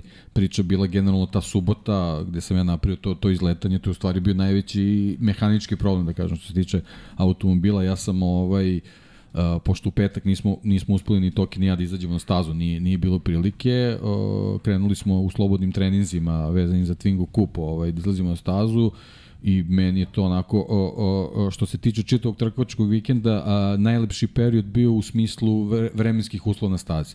Tu je bilo potpuno suvo, sve čisto, ja sam već negde drugi ili treći krug generalno svoje neko a, vreme a, najbolje postavio u smislu da sam samo par sekundi zaostao za vam. Mislim nešto 2.02, 2.03, u tom trenutku ja sam recimo napravio 2.05 i meni je to bilo kao to, je, to, to, to mi u stvari, taj trenutak mi je pokazao da možeš ti da se pripremiš za ovo i da, i da voziš ovaj, u, u, u nekom tempu i onda sledeći izlazak na stazu je bio ovaj, a, jedino ovaj, a, što se dešavalo van, van naših ovaj, a, van, van naše endurance trke bio je taj neki track day pa je bila odluka da izađemo na stazu i u tom trenutku da, da ovaj, ja, ja pre svega što više tih krugova prevezem i u jednom trenutku na tom delu kasnije sam čuo da ne da nisam jedini, nego njih 15 se, se tu otkačinjalo, pobegao mi zadnji deo, ali to je onaj generalno problem sa grobnikom, buk, bukvalno na tom delu staze, š- između ostalog na čemu treba da, da, da se radi organizaciji, mada je pitanje kako se to uspred reše, a, bankine su jako blizu na tom delu, ja, ja sam izgubio ovaj, zadnji deo ovaj, i mu bukvalno posle sekunde sam se već našao našao u ogradi, ugasio sam automobil, izašao i sad video sam pozadi branik, štopaljke, mislim ništa spektakularno nije, ali jednostavno stvarno nisam znao u kakvom je stanju automobil. Odlučio sam da ovaj da da da i ne pokušavam da ga upalim, došao došao je šlep, ovaj stvarno jako brzo reaguju tamo na na grobniku, valjda znaju da je to generalno pozicija, ovaj gde se dosta toga i dešava, ovaj i po povratku garažu vi ste ustanovili da u principu može sve da se namesti ovaj, uh, i od tog trenutka i, i krenuo taj neki ozbiljniji timski rad vezano za, za, za, za te mehaničke radovi automobila. Pa ne samo što je krenuo, nego su ljudi odmah pritočali jeste, Vlada jeste. i, i Đenka i bukvalno da. su rastavili auto, da. sastavili, skinuli delove da. s drugog auta i sve je bilo gotovo za pola sata. Bukvalno nije se primećivalo da, da, da je meni, meni u tom trenutku te neke, da kažemo, zabrinutosti, zabrinutosti da li će uopšte moći da nastavimo vikend, to što bi mi bila potpuna katastrofa, da se nešto desilo, ne, ne, znam, ne znam sad šta, do toga ono, ono oduševljenje kad se vedo koliko ljudi priskočilo i kako je taj auto osposobljen za, za neverovatno kratko Da, vreme. inače na trkama je to normalna stvar, da, tebi da, je bilo da. onako, jao, šta, pa sad da, mora ali kažem pre svega zbog tog nekog, kako bih rekao, nemam, nemam tog iskustva da na osnovu nekih vizualnih stvari mogu da znam da je sve okej okay. i, i generalno uh, sam imao zadršku dok Miksa nije izašao na stazu provezao par krugova i rekao da sve u redu. A meni, Tako da, meni je najsmešnije da. bilo kad si ponao ključ sa sobom. Da, da, da. To su, to su ti neki ovaj, instinkti drugačiji ovaj, u odnosu na te, na te neke trkačke koji se dobijaju naravno sa krugovima, sa trkačkim vikendima i tako dalje, tako dalje. Tako da ja ovaj, koleginice, ako možemo, onaj širi, širi kadar dobijem čisto da vidimo suvenir. Suvenire, da. a suvenir se da, neće tu... sad vidjeti, mora se malo da pomerim da bismo se, se mi da, da, videli. Da, da, da. Ali ako možeš, Miksa, daj, ovo da. je podcast, dodajte, uh, kolega, molim vas, da. molim, samo dodajte ovako, ma šta vam je, mast. Idemo, ma to, ma stavi, ma tako, može i tu, ma stavi, ma Nije to. puno teže, dobro je to materijal, dobro da. legura. A, rec, da. a ovo je sad podcast. Ovo sad ima smisla. Delovi, da. Evo ovde se vidi oštećenje. Da. Da. Tu, I sa druge koje... strane, u stvari, koje je ka njima okrenuto, ne može da se vidi najbolje ovaj, koliko je Puka je ulaz do cilindra. To je podcast, ljudi. Da. Par centimetara na nekoliko metara i to je to, mora da se menja, ne vredi. Da. da. Ne, ne, ovo je najveći problem. Bilo ono je moglo da se zavari, ovo nije moglo da se ispravi. Kad je ovako da. sprijašte, gubi se 7-8 konja. Ne, ni nismo mogli da imamo brzinu. Da, u stvari da, bio je poenta na automobilu koji onako ima malo konja, pa da. a ovo bi baš bilo, bio problem. Tako Dobro, lepo Ali bi se super čuo. da, da. Pa pazi, da. jedna od ideja je da, da neke stvari stavimo na licitaciju za Maju. Još jedan podsjetnik, ko može 1445 na 30, 30, pošaljite poruku, molim vas, koji Republici Srbiji, borimo se za našu prijateljicu Maju.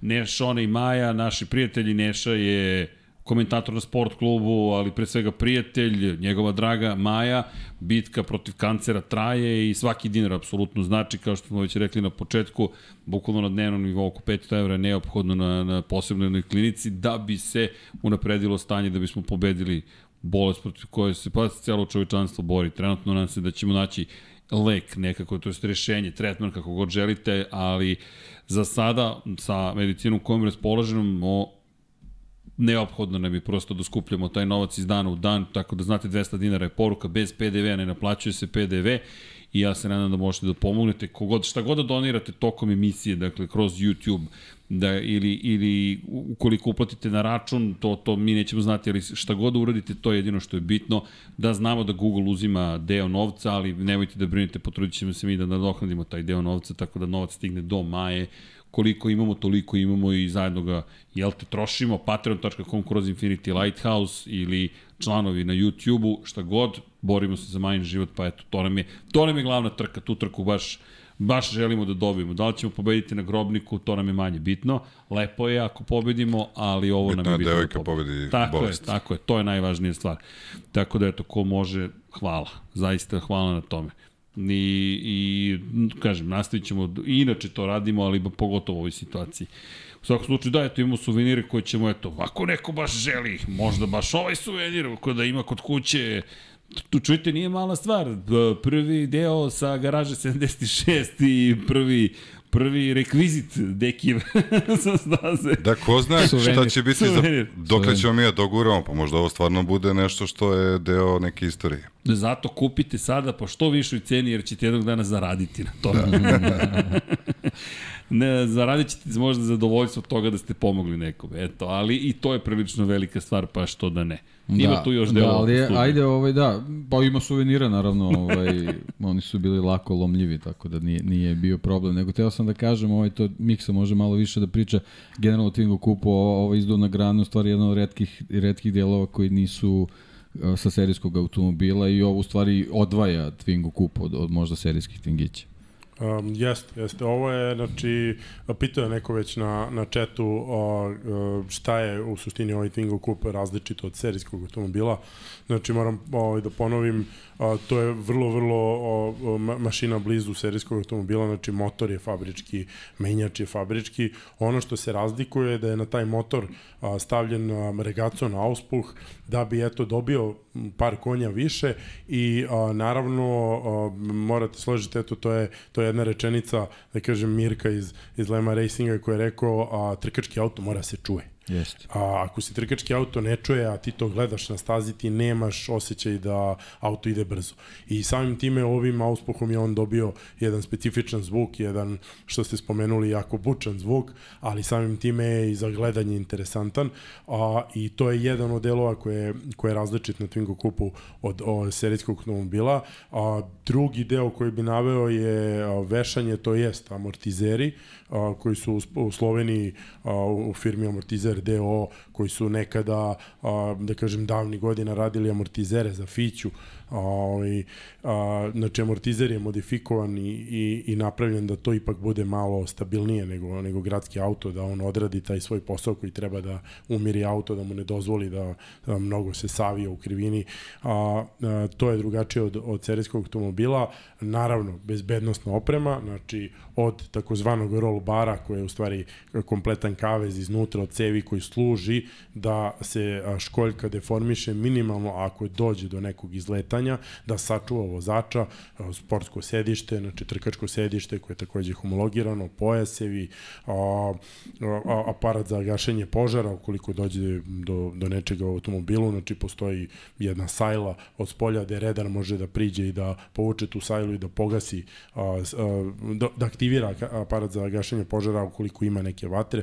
Znači na bezbednosti mora da se radi. To je ono što smo gledali svih godina. Pa. da kažem, evo ti si spomenuo u prethodnom po, podcastu, ja mislim o Hansu i kako je došlo do toga da dođe yes. Hans. Znači mi svi imamo Hans i moramo. To se podrazumeva. To se podrazumeva danas. Da, dotakli smo se dela Erharta, pričao je Paja o delu Erhartu i o tome kada se poslednji put desilo da neko izgubi, nažalost, život na, na Daytoni, da se desi tako tragičan incident. Bio je legendarni Dale Earnhardt, za oni koji ne znaju, bukvalno kultna ličnost u Naskaru i intimidator. On je bukvalno zastrašivao ljude na stazi, tako su ga zvali, to mu je bio nadimak i on je odbijao da stavi Hans. On je bio veliki protivnik Hansa, baš je tužna ironija da je izgubio život u situaciji u kojoj bi mu Hans spasao život i nekako baš je bilo tragično, ali sada je to obaveza. Prošle godine Gvanju Joe kada se okrenuo na stazi u Silverstonu, to isto bilo zastrašujuće. Dakle, ti gledaš Formula 1 koja je preskočila barijere i kako to, bukvalno samo tako je mogla da preskoči između ograde i, dru, i odbojne ograde, da, da završi Formula i završila. I baš zato radiš na tome da sve unaprediš. I iz perspektive bezbednosti su zapravo najveće izmjene na ovom automobilu. Da, pa mi smo na, na, u Kraljevu prošle godine izgubili kolegu, odnosno pretprošle godine izgubili kolegu ovaj, Šekija, mi smo Vladimir zajedno, Šekolarac. da, Vladimir Šekolarac, mi smo zajedno vozili u hibridu i to da je, on je direktno udario početak bankine za nekih 150 km na sat, 143 i zaustavio se u mesto. I nije imao Hans. I pukao me vrat. I E, apropo pri, priče sa početka, zašto ne, ne sme da se dozvoli da, da, da, da... Ne znam da li bi preživeo, baš je veliki da. udarac sa sve Hansom, ali, ali bi mu bile veće šanse u ali svakom ajmo slučaju. Da, ali ajde ispoštujemo nešto što smo se dogovorili Tako da je. postoji i zato je Hans jest, mnogi živote spasao, sad ga već podrazumevamo, isto ko što Oreol podrazumevamo sve više u jednosidima. I ko... Ja moram da kažem za Hans isto, ja sam bio onako skeptik vezano za Hans. Hans uopšte nije neudoban. uopšte ne, e, ne ograničava pokrete glavom, jer nema, nije to saobraćaj, pa sad da se vozač okreće, sebe. da se okrećeš iz. Znači, ne ograničava apsolutno ništa. Nezgodan je samo za stavljanje, ali to kad se savlada posle dva, tri stavljanja, to je sve u I redu. to je zanimljivo u prvoj epizodi Drive to Survive. Uh, Kevin Magnussen vratio se u Formulu 1 i ne zna kako da stavi kacigu baš za Formulu 1, pošto su drugačije kacige od šampionata do šampionata i ovako postavlja i kaže bukvalno i pita ga Ginter Schneider, si zaboravio kako se stavlja kaciga? I- a, a Magnussen koji bukvalno ne, ne može da stavi kacigu čovek, ali... Uh, je, i- Imali smo to i na grobniku, sve, izvini. da, Da, da. Teki, prvi 3-4 stavljanja kacige, da, mora je neko da ima, ja sam mu asistirao uglavnom, da, pošto Jasno. smo se menjali. Posle? Da, ja sam On se više, sam više jednom sam se rukom vezivao, koncentrisao da. da, da Hans lepo postoji da bi mogao da navučem kacigu. Ovo onda mi je Toki malo pomogao čisto da, da, da brže bude, da ne sad ja tamo A to je 10 prvo dva, minuta tri puta. vezujem, da, posle toga je bilo Posle bez sam problema. sve je normalno. To je ono što sam pričao, znači to su jednostavno neki pokreti koji ako, ako, ako se nisi do ta time bavi, jednostavno to i mišići moraju da dobiju taj zapis, da, da počneš neke stvari da radiš i to se bukvalno iz kruga u krug, iz minutu u minut na stazi i jednostavno počneš se sa, saživljavaš sa tim i postaje ti potpuno normalno iako god tad nisi radio. Vidjet Čak ćeš i to, sam, da. verovatno sledeći put kad se slupam, neću da vadim ključ. Znaš. A, Već smo krenuli. Sve sam dakle, se ja na lepo tu parkirao, nisam ručno povukao. E, ja samo moram kažem apro- apropo tog drugog grobnika, ovaj, ja jedva čekam stvarno i jedva čekam Srki, da, da ti doživiš, to mislim da će ti biti sjajno iskustvo.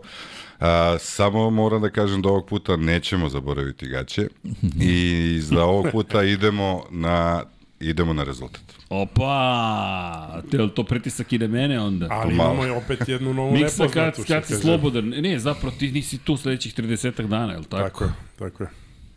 A ko ima ključeve od garaže? Znaš, kao neki ovi tvoji retaci su se ovde naselili dole u garaži. Da. Ima nekog uvek u garaži, nego ovaj, Nego, nego nešto... Ne, ne, ne, a, simulator je trenutno rasturen, pošto Bez. sam ja morao da kažem da a, u, u toj brzoj brzini da rešim simulator, a, pozajmio sam od mog sestrića Marka Vučkovića, koji inače a, radi sa simulatorom, Čekaj. on je napravio jedan jako ozbiljan simulator sa a, motorima koji pomeraju, znači motion simulator. On je napravio. probao. Da, ima, imamo čak jednu i sliku a, da je Srki to na sajmu probao. Da, inače, mislim da sam baš sa njim i pričao o NASCAR, e, Tako je, e, o tako Euronaskaru, je, jeste, tako Euro. NASCARu smo pričali i baš znam da mi je govorio o tome da je da čeka da vidi kako će sve to da izgleda i, i tu smo u celoj priči smo baš, baš smo diskutovali na sajmu knjiga o tome. Ima tu još stvari, televizor koji ima, jel te, touchscreen pa možemo da crtamo za potrebe NFL-a ili analize možda novih bolida Formula 1, novih delova i kažem, ima mnogo planova, vidjet ćete, zavjerit ćete vi u naš backlog, šta smo mi sve pri, napisali da treba da uradimo, A, a vidjet ćete i taj A, deo. imamo i mi backlog. Tako je, tako je, pre, prepone. Znaš kako izgledaju prepone? Svugde su prepone, ali to je zabava. Da pozdravimo velikog Srke koji je preuzeo realizaciju podcasta u ovom momentu, koji će kasnije da realizuje 99 yardi. Ne brinite, počet ćemo valjda na vreme. Ali... Ne verujem, ali... Ne verujem, već vidim kašnjenje u najavi, ali dobro. Da, ali dobro, zabavno je pričati i, i razgovarati o svemu ovome. Ima, mislim da ima baš puno tema. Ima, I meni se sad rađaju neke ideje šta bismo mogli, kako bismo mogli itd. itd. itd. itd. Naravno, momci, što kada je reč o podcastu, računajte na na tehničko, tehnološko, znanstvenu podršku, pošto vi delite znanje sa nama, mi verujemo duboko u deljenje znanja, To je nešto na što smo ultra ponosni. Konačno Infinity Lighthouse je nastao u velikoj meri na tuđem znanju, ljudi nepoznati za nas lično koji su na YouTube-u delili informaciju o tome koje kamere, koje stative, kako su povezivali sisteme, kako su, koje su uređaje kupovali da bi radili switching, kako su radili na zvuku Zoki koji nam iz playera pomogao da, iz, da izaberemo mikrofone, jer smo mi odmah krenuli na šurke, idemo šur, Joe Rogan, kaže čekaj polako, stani, možda ti to ne treba, a to je poslednji dan da oni radi, inače od sutra kreće karantin, evo imamo lepe MXL mikrofone, radit će ti, nemoj uopšte da brineš, evo ih tri godine rade, zvuk, mislim da nije loš da kucaju u drvo i rekao mi je, mikseta, nemoj miksetu da kupuješ, nemaš ti pare za dobru miksetu. Evo ti audio interfejs. Jedan element manje koji će uticati na kvalitet zvuka. Zoki je legenda, tako da e, e, svi ti ljudi su sa nama delili svoju energiju, svoje znanje, onda i mi imamo tu želju, čak razmišljamo o tome da napravimo jednu posebnu emisiju Infinity Lighthouse, kako da napravite svoj podcast. Eto, maše ovde deki sa povređenim prstom, nekome, ne znam kome, ali evo, i mi mašemo. Moje roge su efektnije. to, ej, jesu, ti nemaš da... Ja se isto nadam da će neko tako i da gleda a, mene i Tokija i da, Hoće. da upija znanje kako, Kako nešto neće. da uradi, ili bar, bar Hoće. nešto da pomognemo, što kaže smernicu neku i Vidi. kao što ste vi gledali nešto, tako Vidi, da... samo treba vatra odavde još da izlazi, razumeš, na tvom kada, ne, kada, ne, ne, drugi kadar, vrati, vrati, vrati, vrati na miksu, to. E. Samo ovde vatra ovako, pff, razumeš. I onda skol vičemo ovde. Da ti si otišao daleko. Vikinzi, nema šta.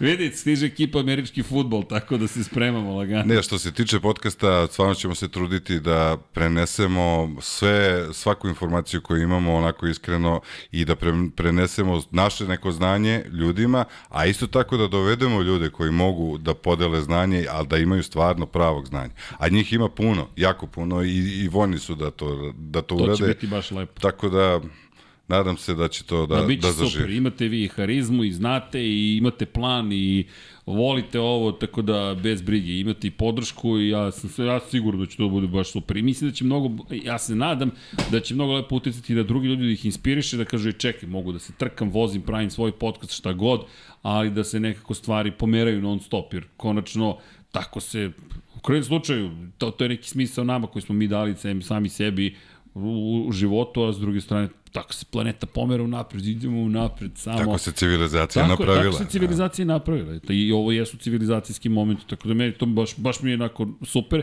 I jedina, jedna stvar, samo moram da vam skrenem pažnju, ne znam da ste sve, sve svesni. Vi ste zajedno, dakle, sva četvor, cela četvorka ovde, zajedno, mada pre svega vi, ste otvorili garažu 76. Sad, da li će to biti kao Pandorina kutija, koju je nemoguće zatvoriti? Nikad se ne, ne znam, zna. ali imam neke, imam deki se samo zagonetno smeška, tad je najopasniji da znate ko igra basket sa dekima, ako vam se ovako smeška, siđite s terena. Izgubili ste, ali još ne znate kako ste izgubili. Dok on igra šah, vi ste na micama još uvek. Tako da, bez brige, ali garaža se desiti ima milion ideja. Ljudi, možemo da pričamo još dugo, naveliko i tako dalje ali činjenica da stiže ekipa koja se bavi i američkim futbolom, pa posle ko želi, Luka i Kuzma su ovde od 1 ujutro, ili ti studio ne spava. studio ne spava, ne spavaju ni ljudi u njemu uglavnom. Sinoć je bilo zabavno, pošto se realizovalo Luku i Kuzmu i, i onda, onda dugo nisam radio u tom periodu taj deo posla i moram priznati da u svemu ima neke čudne draži i, i ta priča sediš i realizuješ i dve i po hiljade ljudi ih sluša u tom trenutku u live i kao čekaj vidi šta sve lepo radimo. Tako da, momci, tek, tek je ovo sve zajedno počelo, a ja pre nego što se odjavimo bih da uradim dve stvari. Prva stvar, Izvini samo, za, za pamti, ovo, Kaži, samo, kaži. samo konkretno nešto da kažem, Memorisano. ovaj, uh, uh, Miksu i, i, i Tokija ste upoznali kroz uh, uh, pre svega onaj prvi podcast gde smo, gde smo najavili Jeste, šta jeste, se jeste, dešava, jeste, jeste. upoznali ste ih kroz, kroz podcaste koji, ovaj, koje smo realizovali dok smo bili na Grobniku, kroz ovaj podcast ovde. Sledeća priča će biti vezana za premijeru filma Trailer ste videli da sad sam htio da ga pustim I zapravo. onako da kažemo šlag na torti, posljednji deo čitave priče je, je prva epizoda, Prva epizoda, njihovog, njihovog podcasta. Tako da u principu sa tim svim ćemo u stvari zaokružiti nešto što je u stvari taj prvi deo projekta Garaža 76. Da, da, ovo je tek, ljudi, Tako da, otvorili ste. stay tuned, što bi se Stay rekao. tuned, a ja se naćemo ko Audi da držimo neki V4 na polici pa izvadimo jednu trutku i kažem ajde imamo da možemo i u Formula 1 da se takmičemo, dodamo dva cilindra pa da vidimo gde smo. Jer garaža je tek počela svoj život, ali to sam htio da kažem, dve stvari, jedna jeste 1445 na 3030, kogod može, kako god može da pomogne za Maju, bitka traje i tu trku zaista želimo da dobijemo nada sve i dobit ćemo je. A druga stvar jeste, ako gospodin e, može da Veliki Srki pusti jedan lep trailer još jednom, čisto da vas ugnjavimo maksimalno za ovih dva sata i malo više, još jednom trailer, pa da vidite, ne znate gde je trailer, e, m, sakriven je negde u nekoj sceni u OBS-u, a našli ste ga, jeste ga našli? Ne, verovatno je crn snimak. E, neko zna, možda koleginica iz prodaje zna gde se nalazi. Otišla je. Pa, onda ćemo... Uh, a ili imamo spisak naših Patreona? To ste našli. Taj film imate, a nemate trailer. A tamo da ja pet i po minuta, šalim se. Ako postoji nešto što je zadovoljstvo, onda je to pročitati imena svih ljudi. Inače, samo da napomenem, toliko ljudi je bilo zapravo, toliko ljudi nas podržava, kroz Patreon i kroz YouTube, da niste svi mogli da stanete na jednu stranu automobila. Meni je to bilo fascinantno kad smo shvatili, e pa ne mogu svi da stanu.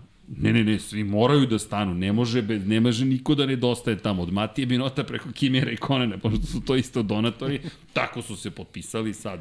Ne znam, nismo tražili ličnu kartu.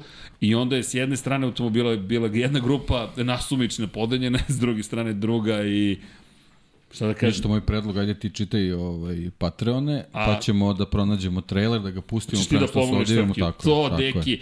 Ovako tako mi da. izgleda jedan stint na podcastu. Naviknite se i na ovo, tako je. Srki, jesi ga našao? A? Ajde da se nadam da sam ga našao. Ajmo na rizik, šta ti je? Ej, vidi.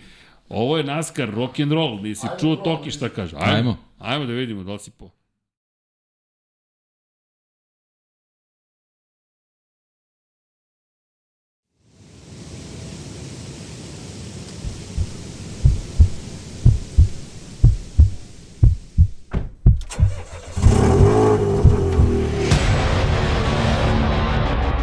Posle ovoga, reč nikome ništa, znaš ono kao loše vozio. Da, da. cijelu krivinu prolaziš pun gas. I tu je brzina. I tu je čar ove krivine. Moraš da osjećaš. Telo ti bude senzor ogroman.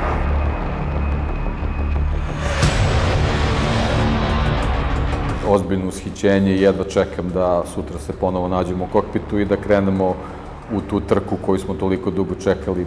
Bitno je da se reaguje, bitno je da smo složni, bitno je da sarađujemo i sve se rešava.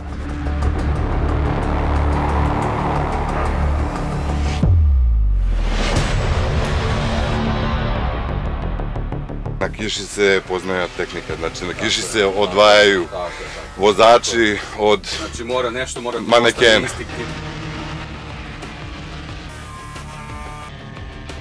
I moram priznati da je onako bilo prilično, prilično uzbudljivo što se meni tiče ozbiljan roller coaster. Don't happy, be worried.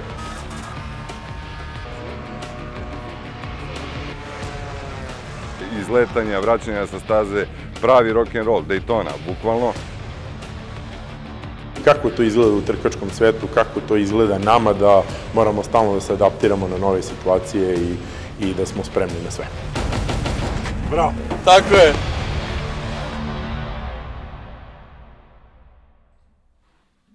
Pa, nije tako loše, momci. Znaš šta mi sad palo na pamet? Tom Cruise je posle dana grmljene počeo profesionalno da vozi. Ti si počeo profesionalno da vozi, sad je vreme za Tom Cruise, tačni za, za moramo fast taj ten dobro da odradimo ovoga puta. Ne, sad je vreme za Tom Cruise da krene u podcast. e, e, apropo Tom Cruise-a, Tom Cruise koji, jel te bi prošle godine u trci, mogu bi onda snimi film o ovome, to, to.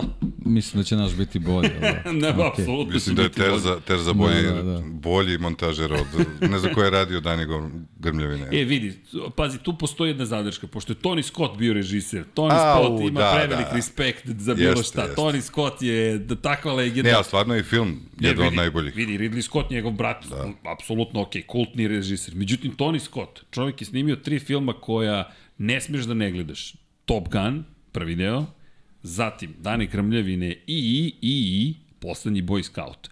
E, ko je gledao poslednji Boy Scout, taj zna šta je Pulp Fiction u pravom smislu te reči. Bruce Willis koji, nažalost, saznali smo patio demencije u jednoj od svojih najluđih izdanja, Damon Wayans i tako dalje, tako Odlično dalje, Halle Berry, to je Halle, Halle Berry ili kako god da se čita, pre nego što je postala, jel te, Bond devojka i sve ostalo i slavna ličnost i Catwoman i tako dalje, a kultni film, zaista. E sad, momci, moramo da uradimo jednu lepu stvar, da pročitamo sve ljude koji nas podržavaju, da se pozdravimo i da pokušamo da pomognemo Srkiju da postavimo studio za 99 yardi. Dogovori. Jer sve mora da bude u minut do. Ajmo Srki, idemo u akciju, da vidimo ko nas to sve podržava. Ognjen Ungurjanović, Aleksandar Banovac, Vukašin Jekić, Nemanja Zagorac, Žorž, Ivan Maksimović, Milan Apro, Stefan Lešnjak, Marin Antunović, Aleksandar, Jelena Jeremić, Branimir Rijavec, Nenad Ivić, Milan Nešković, Nenad Đorđević, Nenad Simić, Aleksandar Anđelić, Stefan Radosavljević, Vladidov, Dejan, Dejan Stevan, a, nisam vidio ko opet, Zoran Majdov, Vojin Kostić, pobeže Strahinja Blagojević, Ivan, Aleksa Lilić, Lukas, Ivan Milatović, Grgo Živaljić, Ivan Toškov, Miloš Radosavljević, LFC, Ivana, Alen Vuletić, Stefan Ličina, Ognjen Grgur, Andrija Todorović, Džigi Bau, Đorđe Andrić, Salim Okanović, Dorijan Kablar, Bojan Mijatović, Branislav Dević, Branko Bisački, Boris Gvozden,